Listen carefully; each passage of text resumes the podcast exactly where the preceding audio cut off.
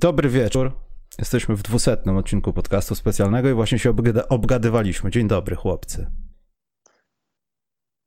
Dzień dobry. Dobry wieczór. Jak było na Space Jamie, Karol? Powiedz, pytam, jakby mnie to interesowało. Muszę zapytać. Czyli, że cię interesuje. Nie, po tego- prostu uważam, że opinia publiczna powinna się dowiedzieć, a ty jesteś jedyną osobą, która dobrowolnie tam poszła, więc chciałbym usłyszeć, Karol, jak jest od sieroty po Michaelu Jordanie, jak ten film, bo ja jeszcze boję się wcisnąć play w moim telewizorze. Jak, jak to, Karol, oceniasz? Czy będąc fanem Michaela Jordana można dostać zawału? I moje drugie pytanie, takie pomocnicze, czy, czy White Mamba to jest nadużycie w tym filmie? Bo wiadomo, do kogo powinien należeć ten tytuł, to przezwisko, nickname, pseudonim. Będąc, będąc fanem Michaela Jordana, stwierdzam, że Space Jam 2 jest dużo lepszy od Space Jam 1 O matko. i, i, i brzydzą mnie ci wszyscy goście 30 plus, te dziady, do których też się zaliczam, którzy mówią, że o Space Jam 1, że Michael Jordan, że LeBron James, co LeBron James by nie zrobił, to jest wszystko źle. Weźcie się ludzie, zamknijcie, usiądźcie, tam są drzwi, zamknijcie je z drugiej strony. Space Jam 2 jest super pod każdym względem. Kropka, White Mamba nie jest nadużyciem. Nie jest nadużyciem, ale to Diana Taurasi jest podobno, tak? Tak, no i właśnie dlatego tak, super jest. No nie, moim zdaniem, no, przez szacunek wiadomo, kto jest White Mambo. Y, Nie powinno dochodzić do tego. Ale co, poważnie? Co, jest lepiej? Nie, poważnie, poważnie, super jest film. W ogóle, wiesz, musimy, jeśli chcemy o tym filmie dłużej porozmawiać, Nie chcemy, wyjść- ale tak możesz powiedzieć. No. nie chcemy. e, Dlaczego ludzie w naszym wieku mają zarzut do tego filmu? Znaczy nie mają zarzutu do tego filmu. Chcą, żeby ten, ten pierwszy Space Jam, który odbył się w latach ich świetności, w latach ich dzieciństwa, zawsze był najlepszy, zawsze był wspaniały. Jeżeli ktoś im opowie scenariusz tego filmu, że, to się, że ten świat to nie jest świat kosmitów, tylko świat y, komputerowy, cyfrowy, że to się dzieje w świecie wirtualnym, to to jest takie trochę mech. Nie, to nie jest mech, bo to jest, to jest film dla, dla, dla nastolatków, z tych takich dolnych nastolatków, od 11 do 14, No ten 15 pierwszy też był, Karol. bo, bo, bo, bo, no właśnie, zresztą, 19-latek raczej nie zaprosi swojej dziewczyny na Space Jam 2. To jest taki, to jest taki przedział wiekowy, powiedziałbym, taki, takie, takie dolne nastolatki, plus y, wiadomo ich rodzice i tak dalej. I, i to, jest, to, jest, to jest tematyka, która teraz trafia nawet. Nawet ten chłopiec, ten chłopiec, który odgrywa rolę y, syna LeBrona Jamesa, to jest świat, który go interesuje, świat komputerów, czy nam się to podoba, czy nie. Fabuła mi się podoba, dialogi mi się podobają, y, nawiązania do szeroko rozumianej popkultury, y, nawiązania do NBA, nawiązania do Michaela Jordana, taki mały spoiler alert. Wszystko mi się podoba i, i tyle. A ja chciałem tylko powiedzieć, że StatMuse, powiem- Maciek, przepraszam, bo zapomnę. Y, StatMuse, czyli taka strona, która zajmuje się statystykami, y, zajęła się też tym filmem i Michael Jordan w pierwszym Space Jamie był 22 na 22 z gry i miał game winnera. LeBron tutaj był tylko 4 na 5, jedna zbiórka, jedna asysta, jeden game winner, także słucham Maciek. Nie no, takie spoilery dołożyłeś, Michał, że co ja teraz zrobię? Nie no, ja przez to, że wczoraj z powodów e, rodzinno-zawodowych nie dotarłem do kina na premierę, kiedy miałem się tam pojawić. Mimo to jakby ogląda, patrząc na reakcje ludzi i przed tym filmem i już po filmie, jak wychodzą jakieś takie mini recenzje na Twitterze, na Facebooku gdzieś tam, mam wrażenie, że największy problem z tym filmem jest taki, że obecni 35-latkowie czy 30-latkowie mają gigantyczne pretensje dla do, do twórców, że ten film jest dla dzieci. Twórców kreskówki i z aktorami, żeby nie, że ten film jest Ale. Maciek, zaraz, ja ciebie nie pytałem o wrażenia po filmie albo jakieś, jakiekolwiek.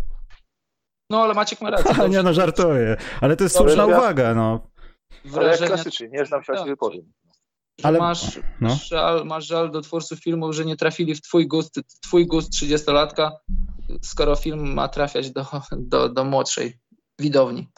Gdzie E. obecna młodzież to jest właśnie lajki, followersi, media Tak. cyfrowe, komputer i to wszystko. Kiedyś były kreskówki, Looney Tunes, kosmici i tak dalej, super, ale teraz trzeba to troszkę rozszerzyć, bo to się nie, nie sprzeda drugi raz w ten sam sposób. No. Ja pamiętam... nakręcili to samo, by nie wyszło. Jak z Maćkiem rozmawiałem na temat, nie pamiętam któregoś filmu Marvela na Twitterze, że o, to się nie zgadza z, wiesz, z fabułą, że film, że to, że tamto. Ja myślę, że to jest ta sama półka niezadowolenia. Że miałeś 10 lat, przeczytałeś ten komiks i tego Spidermana był jeden człowiek, nie? Ale potem po 20 latach ty nie przestajesz czytać komiksy, już jest 60, ale ty o tym nie wiesz. I myślę, że to Tak, jest to samo. Taka, taka, wiesz, pretensje do tego, że coś, co było święte, bo było pierwsze, ktoś robi to inaczej, bo świat dogonił czasy, albo na odwrót, albo czasy dogoniły świat. Przecież taki film jak był Space Jam pierwszy na takiej kanwie jak to tutaj, chyba nie miałby racji bytu. Nikt by na to nie poszedł i ludzie by opluli, e, ta dwójka to jest jakiś powrót retro, co to jest? Także ja to rozumiem. Tylko nie wiem, czy jako sam film sam w sobie jest okej, okay, nie wiem, czy to dałbym radę obejrzeć nie posiadając dzieci, czy już bym wyłączył po 15 minutach, bo jest zbyt trywialne i takie infantylne może nawet. No słuchaj, jeżeli, jeżeli byś oglądał z, z filtrem Space Jamu pierwszego, to, to jedna rzecz mogłaby ci się nie podobać, druga, trzecia, ale żeby... LeBron. Podszedłby, no, no na przykład... i, i tak, i mógłbyś po 15 minutach zasnąć albo, albo wyjść z kina, ale jeżeli oglądasz ten film bez żadnego filtra, to, to jako fanowi koszykówki powinien się ten film podobać, jako, jako znawcy mediów, jako znawcy szeroko rozumianej popkultury. Myślę, że, że tam znalazłbyś miejsca, w których byś parsknął śmiechem. A Karol, powiedz mi takie dwie rzeczy, bo to jest film tak raczej przedział 11-14, nie? Tak sobie właśnie, co już słyszałem no, tak paru znajomych, że no, byli z no. dziećmi ośmioletnimi, które nie do końca kumały wszystko nawet jeszcze. A ja tak, właśnie tak, miałem zaproszenie z pięcioletnią córką i z powiedziałem jej, że no niestety jeszcze nie, ten, jeszcze, jeszcze nie ten czas dla niej i się zastanawiałem, czy to jest dobra decyzja z mojej strony. Chyba... Na czarną wdowę dziecko zabierz, a nie tam... Słuchaj, nie wiem, I Max przy mocy to Kubuś Puchatek. Wiesz co, nie wiem, czy, czy twoja córka już była w kinie, czy oglądała jakieś filmy, ale myślę, że myślę, że to, to, to jest jeszcze, jeszcze jest za młoda, żeby, żeby rozumieć te niektóre rzeczy. Wiadomo, widzi Tweetiego, no to będzie ją cieszył pewnie, widzi Królika Baxa też będzie ją cieszył, ale żeby wyłapać te różne takie tam e, detale, takie, przez które ludzie się śmieją, to podejrzewam, że jeszcze jest za mała. A są Dobra. detale dla dorosłych? Moje ostatnie e, pytanie. Takie, że ja się zaśmieję, bo ktoś tam zażartuje z dorosłych spraw. Są takie rzeczy? E, takie szrekoidalne? E, chyba nie, wiesz, chyba nie. No, ale White... I druga, drugie pytanie. Yy, ostatnie, czy w tym filmie też Mike, e, LeBron jest lepszym aktorem niż Michael Jordan? Dla, dla fana Jordana to będzie trudne pytanie. I czy też wydłużają mu się kończyny? Bo do tej pory jakby LeBron James w innych filmach, w których występował, to naprawdę potrafił fajnie zagrać. Tam to była ta wykolejona, czy tam jakieś gdzieś jeszcze indziej miał kam takie cameo, a tutaj jestem ciekaw, czy potwierdził LeBron swoją przewagę. Słuchaj, Niekoniecznie na boisku, ale aktorską. Nie mogę do końca odpowiedzieć, bo, bo film był dubbingowany, to wiesz, to ciężko jest odczuć. Ciężko jest odczuć aktorstwo. No, no szkoda właśnie, że jest Ale dubbing... dzieci i tak no. dalej, no logiczne to jest, nie? No, no, no tak, właśnie, no ale to też ciężko, ciężko jest wtedy od, ciężko jest mm, poczuć to, jak, jak on to grał, bo to mówi, nie wiem, kto tam podkładał mu głos, nawet, nawet nie, nie, nie zastanawiałem się, czy to się zgadza, ale no wiesz, ciężko, ciężko naprawdę. tak po, po body language dosyć dobrze wyglądał. I dobrze był ubrany, jak zawsze. Dobrze, to myślę, że możemy zakończyć pierwszy odcinek podcastu Pegas Kulturalnego i zacząć podcast dwusetny. Możecie zadawać jakieś ciekawe pytania, bo dzisiaj jest okrągła rocznica, ale nie będziemy robili nic okrągłego. Ponieważ przy okrągłej 207 może zrobimy jakieś koło fortuny i pytanie o prywatne sprawy Maćka i Karola, bo moich nie można poruszać. Yy, także jak coś macie pytania do zadania jakieś ciekawe, a prawdziwe obchody zrobimy kiedy indziej, bo, bo też z przyczyn technicznych nie byłem w stanie niektórych rzeczy dopiąć, żeby na przykład jakieś nagrody przyznać. Bo Fortunę ma nagrody zwykle. Dlatego nie będziemy... Wszystkie Samsung. No, są tak atrakcyjne, że wziąłem wszystkie. Chodzę w czterech czapkach na raz i trzy torby noszę. Wszystko przy plus 35. Pogadamy dzisiaj sobie y, o koszykówce mężczyzn, y, bo chyba nie było nas przy... Co? Ty, ale na serio? Ale jakiej koszykówce? Nieprzygotowany jestem, jak o drafcie mówić. No właśnie chciałem to powiedzieć, że Maciek wreszcie będzie spontanicznie mówił, bo nie będziemy mówili o Detroit Pistons. Poczekajcie, dosta dostaliśmy jakiś patronat. Marcin Borkowski powrócił. Ja nawet zapomniałem, że mamy taki widget na ekranie. Piękna sprawa, dzięki Marcin. Więc yy, nie było nas przy finałach. Porobiło się tak, że jest 2-2. Różni yy, eksperci mówią, piszą, że Phoenix to straciło. Maciek pewnie nie wie, bo to nie jest od Detroit, ale Karol, uważasz, że Phoenix to straciło już? Y, chodzi o to, że cały momentum, że, że Milwaukee wygra finały, czy chodzi o Game 4? Ja chciałem zachować to porównanie na inny podcast, ale teraz w Polsce, zwłaszcza no Karol może teraz w tym uczestniczyć, bo w niej jest, mamy teraz od dwóch tygodni taką sytuację, że najpierw wali z zachodu straszna burza i leje od tej strony Warszawy, gdzie ja jestem, a potem jest y, zmiana frontu z zachodniego na wschodni, no konferencje się zgadzają i jest znowu Armagedon. No i tak właśnie nie wiem, no tutaj zaszło, przede wszystkim w tych czterech spotkaniach zaszło dużo rzeczy, dużo, jak to łatwo powiedzieć, usprawnień i zmian, ale też takich rzeczy, które zostały wymuszone. No i wydaje mi się, te, nie do końca, że ktoś kogoś nadepnął, ale widzę, że jest taka narracja, czy już Phoenix Suns stracili to wszystko, co mieli od półtora roku? Czy Chris Paul już jest toasted?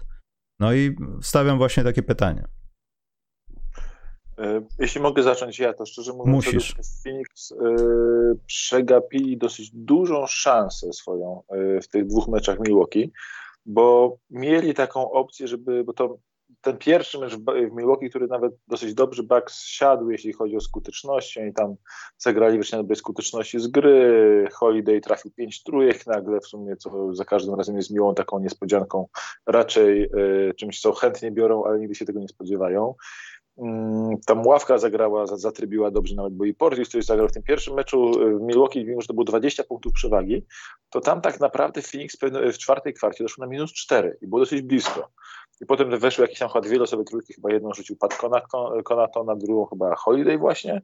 I ten mecz tam odszedł, ale nawet tam byli szans, mieli szansy, gdyby się minimalnie tam ta kostka inaczej potoczyła, a ten drugi mecz to już przegrali na własne życzenie, ten, ten, ten, ten w Milwaukee, bo Bucks wygrali mecz, y, mecz, w którym rzucili 7 na 29 za 3 i 40% z gry. Tak, to, to jest jakiś mogło, pierwszy przypadek w historii NBA chyba finału, że coś takiego się wydarzyło. 40% tak, z gry, 25-24% za 3 i tutaj tak naprawdę, no cholera, y, Janis też nie zagrał takiego meczu tak wybitnego jak te poprzednie, poza tym oczywiście kosmicznym, absolutnie kosmicznym blokiem, bo im dłużej się myśli o tym bloku, tym bardziej to jest nieprawdopodobne, to jest możliwe tylko dla niego, jako jedynego człowieka na świecie, co on zrobił, ale nie zostali i Sans ten drugi mecz po prostu powinni wygrać, więc oni teraz wracają do Phoenix takim troszkę w głowie czymś, czymś takim, że no powinniśmy to mieć, powinniśmy wywracać z 3-1 i być właściwie mieć yy, posprzątane, a gramy teraz serię best of three yy, z przewagą parkietu, no ale przy, przy remisie, tak, I to, i to, i to jest jakby z ich, z ich punktu widzenia, to może im, im troszkę podłamać ten mental, może troszkę wejść w głowę Chrisa Pola, który nie zaliczył najlepszych spotkań e, grając w Milwaukee. E, tam miał chyba 11 strat w dwóch meczach łącznie, coś takiego. Więc y, zdecydowanie bym, zdecydowanie bym nie, mm, bym na miejscu Phoenix, fanów Phoenix troszkę martwił, bo oni ten, tutaj powinni wracać z 3-1, chociaż cały czas dla mnie są faworytem. Cały czas dla mnie są faworytem, bo oni póki co sobie w tych playoffach wyraźnie lepiej radzą w domu niż na wyjazdach. Karol? No, właściwie to nie wiem, czy jest coś więcej do dodania taka ta kluczowa strata Chrisa Pola, tam było poniżej minuty do, do końca meczu, poszła kontra, tam później Holiday do, do Middletona podawał i to właściwie zamknęło już mecz. Ciekawe jak, jak Chris Paul się odbuduje po tym, po tym meczu, bo to będzie ważne spotkanie dla niego. I też, tak jak Maciek mówi, to może, to może być teraz w głowie i ja się pytałem, zapytałem ciebie, czy masz na myśli momentum w całej tej serii, czy tylko Game 5 i, i, i to jeżeli Phoenix tego meczu nie weźmie, to myślę, że to już będzie po, po finałach. To nie, jest, to nie, jest jakaś tam, nie jest jakaś tam szalona predykcja na, na te finały, ale Bucks teraz siedzą w głowach Phoenix, bo, bo oni zrobili dużo, dużo dobrych usprawnień. Zobaczcie, dużo się mówiło o Budenholzerze, że nie robi usprawnień, ale jak się ogląda od finałów konferencji, a szczególnie w tych finałach, już teraz finałach NBA, dzieje się tam dużo rzeczy. Oni w niektórych kwartach switchują, w, w niektórych kwartach nie switchują. Robią dużo ciekawych rzeczy, których wcześniej nie robili.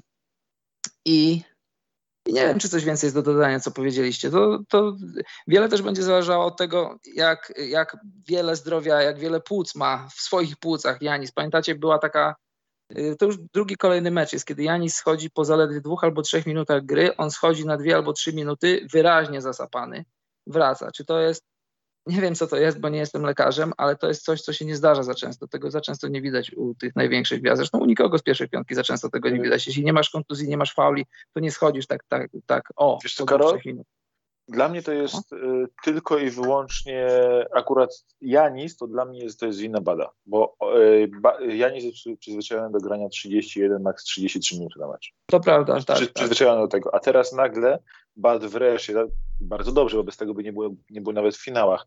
Zaczął nim grać powiedzmy drugi, już drugą rundę z rzędu, gra nim po 40, trzecią rundę z rzędu, tak? Gra nim po 40 minut na mecz, 43 minuty, 42, 41. Po prostu według mnie Janis jest kompletnie nieprzyczyną do tego wysiłku. James Harden gra po, grał zawsze po 36-37 minut, dla niego przejście na 41 minut to było bez problemu w playoffach z troszkę dłuższymi przerwami. Dla Janisa wejście z 30, do, dołożenie 10 minut na mecz sobie do, do wysiłku swojego organizmu, to jest monstrualne przejście. I mimo, że on jest freakiem, fizycznie jest niewiarygodny, to to bardzo po nim widać momentami, że po prostu ma takie momenty, jak w tym meczu właśnie Dlatego mnie tak, ja kibicuję troszkę Phoenix w, tych finałach i dlatego mnie w tym ostatnim meczu Phoenix tak bolało, bo widziałem, że Janis nie ma tego poweru, nie ma takiej siły. Ma ciągle tą swoją determinację, ale nie ma czegoś takiego, że jak w tym meczu numer 3 był gotów w każdej jednej akcji się ustawiać tyłem do kosza, w każdej jednej akcji brać na całą drużynę, wymuszać kontakt, zderzać się z ludźmi, łapać faule, cokolwiek. W tym meczu czwartym już tego nie miał, już było widać, że ma dość, że już nie chce, że odda tą piłkę chętnie, że poda w bok, nawet jeśli Holiday nie trafi 16 e, rzutu w meczu już. E, było widać, że już ma dość po prostu w tym meczu numer 4 i e, według mnie to jest wina, to jest wina tego Bada, że po prostu nie był w stanie przyzwyczaić go do troszkę większych obciążeń przez 4 lata w Milwaukee, odkąd jest tam Badenholzer, tak? I to dla mnie jest jakby tak naprawdę, do tego, do samego tego, co Bad w playoffach robi, trudno się przyczepić. Na przykład do tego też, że Brook Lopez z meczu na mecz gra coraz mniej, bo jak widzi Brooka Lopeza przed sobą Chris Paul, to od razu szuka pick and rolla. E, ale... Ale... poczekaj, przerwę ci, bo ja chciałem to już jakiś czas temu właśnie powiedzieć, że ta akcja właśnie, co mieliśmy na intrze zdjęcie tego bloku e, na Itonie, to jest też, to w ogóle ta cała akcja, e, bo tam był pik, Antek tak. został w środku, Tucker pobiegł, pobiegł za, w zasadzie za Bookerem tak na pół gwizdka, bo już wiedział o tym, że dobra, będzie penetracja Santek, czyli to będzie no po prostu przybicie gwoździa. Jak on poda, no to ja jestem na wykroku i już to, to, postawienie się w tej sytuacji, co chciałem powiedzieć, że gdyby tam był Brook Lopez i ta piłka poszłaby do góry, to on po prostu by skoczył, żeby ją, Boże, złapie ją w powietrzu. Natomiast kiedy tam jest Antek, albo w ogóle ktokolwiek po takiej akcji spodziewa się tego podania, ten gość wie, że jak jest w środku, to zaraz się cofa i idzie do tej piłki, stąd też jest ten blok. Więc to zastanawiam się, w jaki sposób ben, Sans będą chcieli z tym walczyć, skoro ewentualnie Badenholzer i w ogóle te wszystkie rotacje wyczuły to bardzo dobrze. Phoenix robiło to w dwóch pierwszych spotkaniach dokładnie to samo i Bucks nie byli w stanie w ogóle tego ogarnąć. Już pomijam sytuację, że Drew Holiday robił inną robotę i teraz się wszyscy przykleili do pola, żeby go wymęczyć, zamęczyć, ograniczyć ruch piłki, ale to jest jedna mała, prosta rzecz, że kiedy idzie to podanie do góry, to nie skaczesz jak koza do góry, że może złapiesz tą piłkę na siódmym metrze, tylko od razu idziesz do tego gościa, do którego jest piłka i tam próbujesz coś zrobić. Bo umówmy się, ten blok nie był okazem wyjątkowego basketball IQ. Po prostu pokazał nie. wszystko to, co Antek nie. ma w atletyzmie. On po prostu się odwrócił, zobaczył, wyskoczył i go zgasił. 100%. Ja też, Michał, Michał, Michał, to jest instynkt, bo... to nie jest intelekt. Ale, ale, nie, ale posłuchaj, przerwę ci, sorry, że ci przerywam, ale ja się nie zgadzam, wiesz tutaj, y, jakby tak obejrzeć klatka po klatce, sekwencja po sekwencji, gdzie był Janis, co tam się działo, był pick and roll, w, jednej, w jednym momencie jest przy zawodniku, w drugim momencie się odwraca, w trzecim momencie idzie w górę, to w zasadzie to jest, to jest może może dwóch, może trzech zawodników obecnie w NBA, którzy fizycznie byliby w stanie zrobić coś takiego. Bo to, co mówisz, tak, to, to, to teoretycznie to jest łatwe. My, ja, ja nie, nie, przepraszam, ja nie mówię o łatwości. Nie mówię o łatwości, tylko mówię o instynktownym, mechanicznym zachowaniu się w tej sytuacji. To wszystko. Tak, ale ale chodzi mi o to tak, że my instynktownie, mechanicznie rozumiemy, że tu idzie pick and roll, jeżeli zareagujemy, to ktoś spenetruje, jeśli nie zareaguje, pójdzie piłka do Ejtona. My to rozumiemy, ale żeby fizycznie przełożyć to, co nasza głowa rozumie, przełożyć to na fizyczność, żeby tam pobiec i zablokować piłkę, to tylko, nie wiem, to tylko Janis, zdrowy Anthony Davis, może pięć lat temu LeBron, może Kawhi, chociaż nie jest tak wysoki, to może czterech gości obecnie w NBA byłoby w stanie to zrobić. To, co zrobił Janis, to jest, to jest, to jest, to jest niesamowita rzecz. To, to jest y, instynktownie, oczywiście masz rację, to tam można było się tego spodziewać, ale że w tej sekwencji, że ona jest na pick and rollu i on musi być, bo on nie wie, że ta piłka pójdzie w pierwszej sekwencji, bo to Nie no, bo ta piłka może iść do góry sobie teardropem i to wszystko, no. Ale że on zrobi to tak zwane recovery i on wie, że on wie, on wtedy reaguje w odpowiednim momencie, no to jest, no nie wiem, trzech, czterech gości obecnie w NBA w świecie jest w stanie to zrobić. Ale ja tego w ogóle nie trywializuję, tylko mówię o tym, że będąc Antkiem, ty wiesz takie rzeczy. W dodatku ty wiesz ale... o tym, że zaraz się odwracasz i wyskakujesz po prostu bulisz Michał, gościa, rozumiesz? Ja jeszcze wejdę, Michał, ja jeszcze wejdę, bo dla mnie to jest tak, że pomijając to, że według mnie nawet to jest jeden z dwóch ludzi na świecie, czyli on i Anthony Davis. Janis Anthony Davis to jest jeden z dwóch ludzi, którzy jest w stanie naraz tak zrobić, że przytrzymają naraz y, tak dobrego pull-up shootera jak y, Booker od rzutu i równocześnie zablokują tak dobrego, y, nie wiem, podjętego powiedzmy vertical spacer, no nie wiem jak trudno mi to przetłumaczyć na polski, jak Ayton, to jest tylko Janis i Davis, ale samo to jak Janis to przeczytał, bo tam widać po oczach Bookera, że on najpierw zerka w stronę Aytona mm. przed podaniem, a potem jak już podaje, to zerka jak miał się zbierać do rzutu. I nawet ktoś zrobił klatka po klatce takie ujęcie, że on ma dokładnie nawet taką minę, jak kiedy wchodzi w pull-up z pół dystansu, a zamiast tego wtedy on co odwraca? On zerka w stronę Natana, odwraca wzrok i kiedy rusza ręką w górę, Janis już zaczyna cofać na wstecznym do Aytona. I to no jest obserwuje gracza z piłką. No że spojrzał na oczy wtedy, kiedy, kiedy no bo normalnie jak kryjesz takiego gościa w takim momencie, żeby z wodą ci nie zrobił, patrzył raczej na biodra niż na oczy, ale w tym momencie dał radę za, zaobserwować, zauważyć to zerknięcie i pójść w ciemno do Ejtona. Dla mnie to jest niewiarygodnie dobrze, dobrze przeczytana akcja, to jest niewiarygodny popis inteligencji boiskowej Antka. Ja jestem pod monstrualnym wrażeniem tego, jak on to przeczytał, bo nawet przy jego atletyzmie, gdyby się spóźnił o ćwierć sekundy przy tym, to by dostał Daytona nad głową razem z faulem. Pytanie pomocnicze, Zajan zrobiłby to samo? W życiu. Za krótkie ręce ma. Po prostu. Ale czy, czy, po prostu próbowałby to robić? Bo ty, czy, czy by zrobił, to wiesz, to John Paxson nie, pewnie by poszedł i to zrobił. Padłby Daytona i by go faulował. Tak, sfaulował, by sfaulował Ejtona, Ejton może by nie wsadził, bo by dostał takim kulą armatnią w brzuch, ale nie miałby szans, bo Janis ma jednak może mieć zasięg rąk i tak dalej, ale po prostu Janis ma też po prostu ten dokrok, on zrobił bardzo szeroki dokrok, że on zatrzymywałby Bookera w miarę blisko osobistych, a potem do kroku on się wybija z półkola pod koszem. To, jest, to trzeba mieć cholernie długie nogi i znaczy... dokrok, żeby być w stanie całą moc wygenerować takim dokroku tak szerokim. To, to co, też... to, co powiedziałeś o tym wideo, ja widziałem, ja nie wiem, chyba to jest to samo źródło, że pokazane są jakoś pocięte i to też chyba nie z finałów. Takie zagrania Bookera, kiedy on podaje w powietrze albo po prostu rzuca jakimś takim wysokim lobem i ktoś się uparł, żeby udowodnić, że nawet jeśli patrzysz na jego te wszystkie punkty zaczepienia, biodra, ręce, nadgarstek, to on potrafi podać tak, znaczy podaje tak, żeby to nie wyglądało jako rzut albo jako podanie. I, I tam jest kilka takich akcji wymienionych, że tak naprawdę nadgarstek jest tak ustawiony, że on chyba rzuca, nie wiem, spod spodu i nagle w pewnym momencie obserwuje sytuację i rzuca. I, ta, I to nie ma prawa wpaść, jak patrzysz na to, jak ma ułożoną rękę na piłce i to wpada. I to, to, są, to są właśnie te decyzje, obserwacje tego Aitona, bądź też kogokolwiek, kto jest w środku. No jeszcze jak był Saric bardziej co, aktywny są, tam, to... Są trenerzy w NBA, którzy by w ogóle powiedzieli, ogólnie trenerzy w koszykówce, którzy powiedzieli, że w takiej sytuacji Janis nawet nie skakał tego Aitona tak mocno, bo jeszcze go sfaluje i, i zamiast mieć e, być remisu, powinien, będzie minus jeden, minus jeden punkt, bo jeszcze będzie osobisty.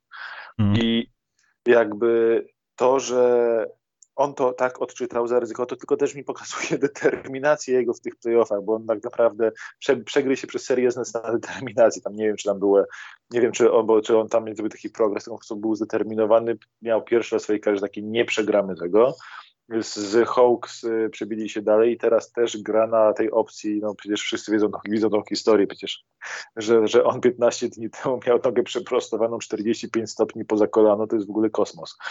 E, I gość e, na tej czystej determinacji robi takie zagrania i on poszedł po prostu na zasadzie nie, nie pozwolę nigdy w życiu, nie, i to mimo, że być może, być może tak naprawdę może nie, nie powinien ryzykować tego bloku, bo tutaj była bardzo duża szansa na to, że on tylko zahaczyli to na włokieć i y, będzie 2 plus 1. Ale no, na szczęście poszli i mamy jedną pewnie na pewno jeden z dziesięciu, a pewnie jeden z pięciu najlepszych bloków w historii finałów. Tak, wydaje mi się, że to bez problemu jest jakby na tej liście. Ale to jest niesamowite, że to instynktownie, wiesz, bo jak się skacze, to było trudne, bo miał go na plecach, odwrócił się i nagle w przeciągu, nie wiem, nawet nie sekundy, mniej, znacznie mniej, zobaczył, że on ma piłkę, żeby zadecydować, żeby ta ręka poszła w środek, a nie dotknęła gdzieś rąk, gdzie stoi sędzia, bo w takiej sytuacji równie dobrze ktoś mógł zagwizać faul, albo przesadzić, nie wiem, z kontaktem to, to już naprawdę jest, jest czapka z głów, no. Bo to trzeba wiedzieć też, co się, co się dzieje z twoim ciałem, kiedy to lecisz na drugiego gościa, który jest praktycznie tak samo długi jak ty, no, jak nie dłuższy. I to było chyba najtrudniejsze w tym wszystkim, żeby nie przesadzić z tym blokiem.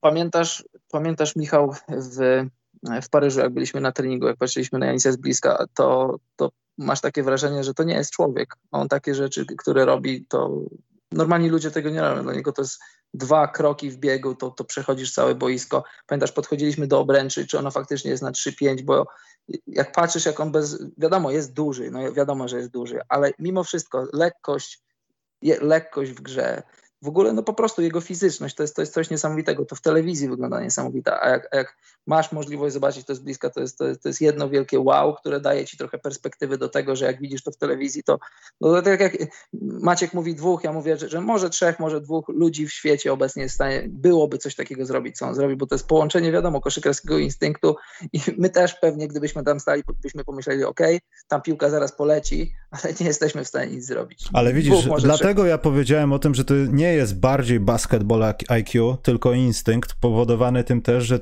ty wiesz o tym, że twoje ciało, że ty to zrobisz, wiesz, że masz broń w rękach i możesz strzelać, a w momencie, kiedy wiesz, że masz metry 90 albo 2 metry i jesteś powiedzmy, nie wiem, nie chcę powiedzieć zakiem Jak lawinem.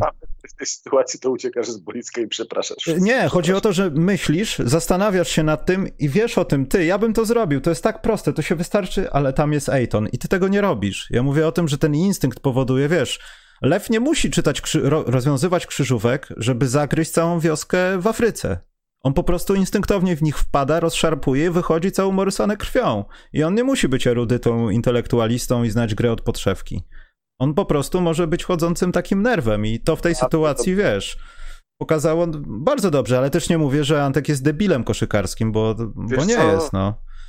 To, co mówisz, dużo bardziej pasuje mi do tego słynnego bloku Lebrona na Igudali tego z finału z Nie, to już było basket. To, to, nie, to było 100% basketball IQ. Liczenie kroków, wiedzenie o tym, jak ten gość skoczy, gdzie skoczy, z której strony. LeBron jest chory psychicznie i zna statystyki, więc sobie przeliczył prawa, lewa ręka. Dla mnie ta akcja to jest jakby pik Janisa, jeśli chodzi o połączenie atletyzmu i myślenia i czytania gry i pełnej świadomości swojego ciała. Dla mnie to jest wszystko kombo tego i ta akcja to jest niewiarygodne, jeśli o to chodzi. Ja po prostu jestem pod dużym wrażeniem, no i też w ogóle to jest niesamowite, jakie mamy, mamy dwie drużyny z jakichś takich rynków z dupy, za przeproszeniem, jeśli z punktu widzenia NBA. Te ratingi na pierwsze spotkania były bardzo niskie, ale te historie, które tutaj mamy, to jak Janis przegryza się przez własne słabości, to jest dla mnie kosmos. To jest facet, który po prostu z meczu na mecz, z meczu na mecz coraz bardziej się odnajduje i wchodzi na wyższy poziom w trakcie najważniejszej serii w swoim życiu. Wchodzi, odkrywa jakby swój wyższy poziom, odkrywa swoje, swój wyższy poziom w trakcie najważniejszych playoffów w swoim życiu.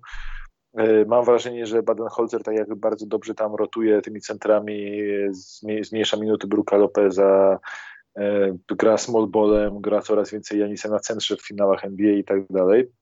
To jest fajne, ale to, że Janis zaczął pewnie grać z tego lewego bloku do środka i tam wymuszać podwojenia, potrojenia, rozgrywać troszeczkę y, z high post, ale LeBron James 2013, to jest dla mnie coś nowego i fascynującego. To jest nowy gracz, jakby to jest y, dwukrotny MVP ligi, który znalazł w swojej grze nowy wymiar.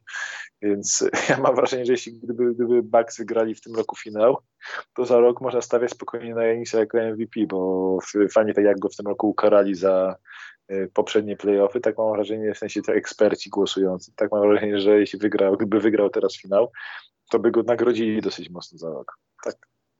Wiesz, Maciek, Maciek, mam, mam identyczne spostrzeżenia, jak, jak patrzę na Janisa, że to, co się wokół niego, w, jak on sam, sam siebie odkrywa i też w kontekście już teraz jestem super zafascynowany tym, co się wydarzy w tych finałach, ale jeszcze bardziej tym, co się wydarzy w dalszej części jego kariery. Identycznie, identyczne konkluzje miałem odnośnie przyszłego sezonu, że on będzie dla mnie jednym z dwóch kandydatów do MVP, bo to jak on redefiniuje swoją grę i to też nie można powiedzieć, że to te, te lata, w których Jason Kidd robił z niego point, tam point Janis, że rozgrywa piłki, to nie są stracone lata. To te umiejętności, których nabył, to jest wszystko fajne.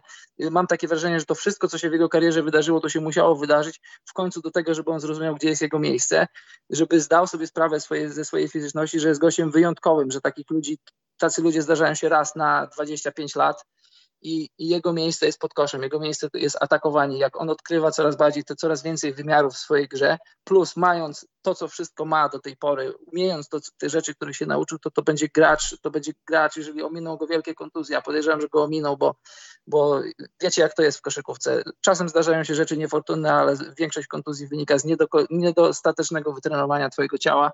A, I wilgoci. No i wilgoci, a, tego Janisowi zarzucić nie można. To będzie niesamowite. Ja, chłopak ma 26 lat, jeszcze spokojnie 8-9 lat będzie mógł na najwyższym poziomie grać.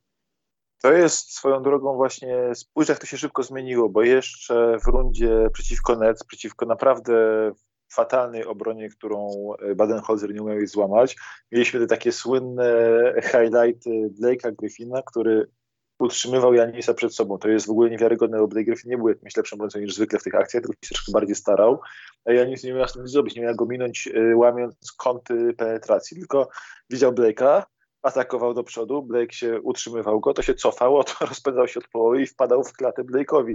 Gdzie śmialiśmy z Janisa i on tam takim w meczu numer 5, powiedzmy, nagle nastąpiło takie przełamanie w jego głowie, że mówi, moment, mogę zacząć niżej, mogę zagrać z nim troszkę bardziej tyłem. Tak. Nagle zaczął robić terror. I to był taki moment przełamania, jakby to się jeszcze miesiąc temu się śmialiśmy z tych akcji, a nie mówimy, Boże, ten gość nigdy nie będzie MVP finałów, nie ma szans w ogóle, przecież gość, brakuje mu tego wymiaru w grze. Były ankiety na y, Twitterze, że kogo wolisz od Janisa y, jako swojego lidera na playoffy, tam Trey Young, czy y, ewentualnie, nie wiem, Bruce Brown, czy ktokolwiek inny. I wszyscy tam głosowali na kogokolwiek poza Janisem, że on po prostu nie ma tego przełącznika wyżej a on nagle znalazł to wyżej. I to jest, y, to jest dla mnie super fascynujące. A nawet w tej serii się troszkę jakby, mimo że widzę, że tak jak mówiłeś, troszkę mało te siły widać, mam wrażenie, że troszkę się rozwija. No w tym meczu też poszedł, poszedł w 8 asyst i te asysty były bardzo często właśnie zgrane, zgrane z tego high post, kiedy wymuszał podwojenia, bo już y, boi się Phoenix z tego, kiedy on dostanie piłkę w high post na lewym bloku, boi się po prostu go i od razu tam ktoś leci, próbuje go podwoić, przeszkodzić, krok do przodu się obrona zbliża, może rozrzucić. Myślę, że miałby 13 asyst, nie 8, gdyby taki Jaru Holiday trafiał, albo PJ Tucker po prostu oddawał rzuty, bo PJ Tucker tak zrezygnował, zrezygnował z oddawania rzutów. E, ale bardzo ciekawe jest to w meczu numer 5 się wydarzy, bo jest taka statystyka, że on w tych playoffach ma tam z 60 parę procent skuteczności z osobistych w meczach u siebie, a w meczach na wyjeździe ma 50 chyba 2% skuteczności z osobistych.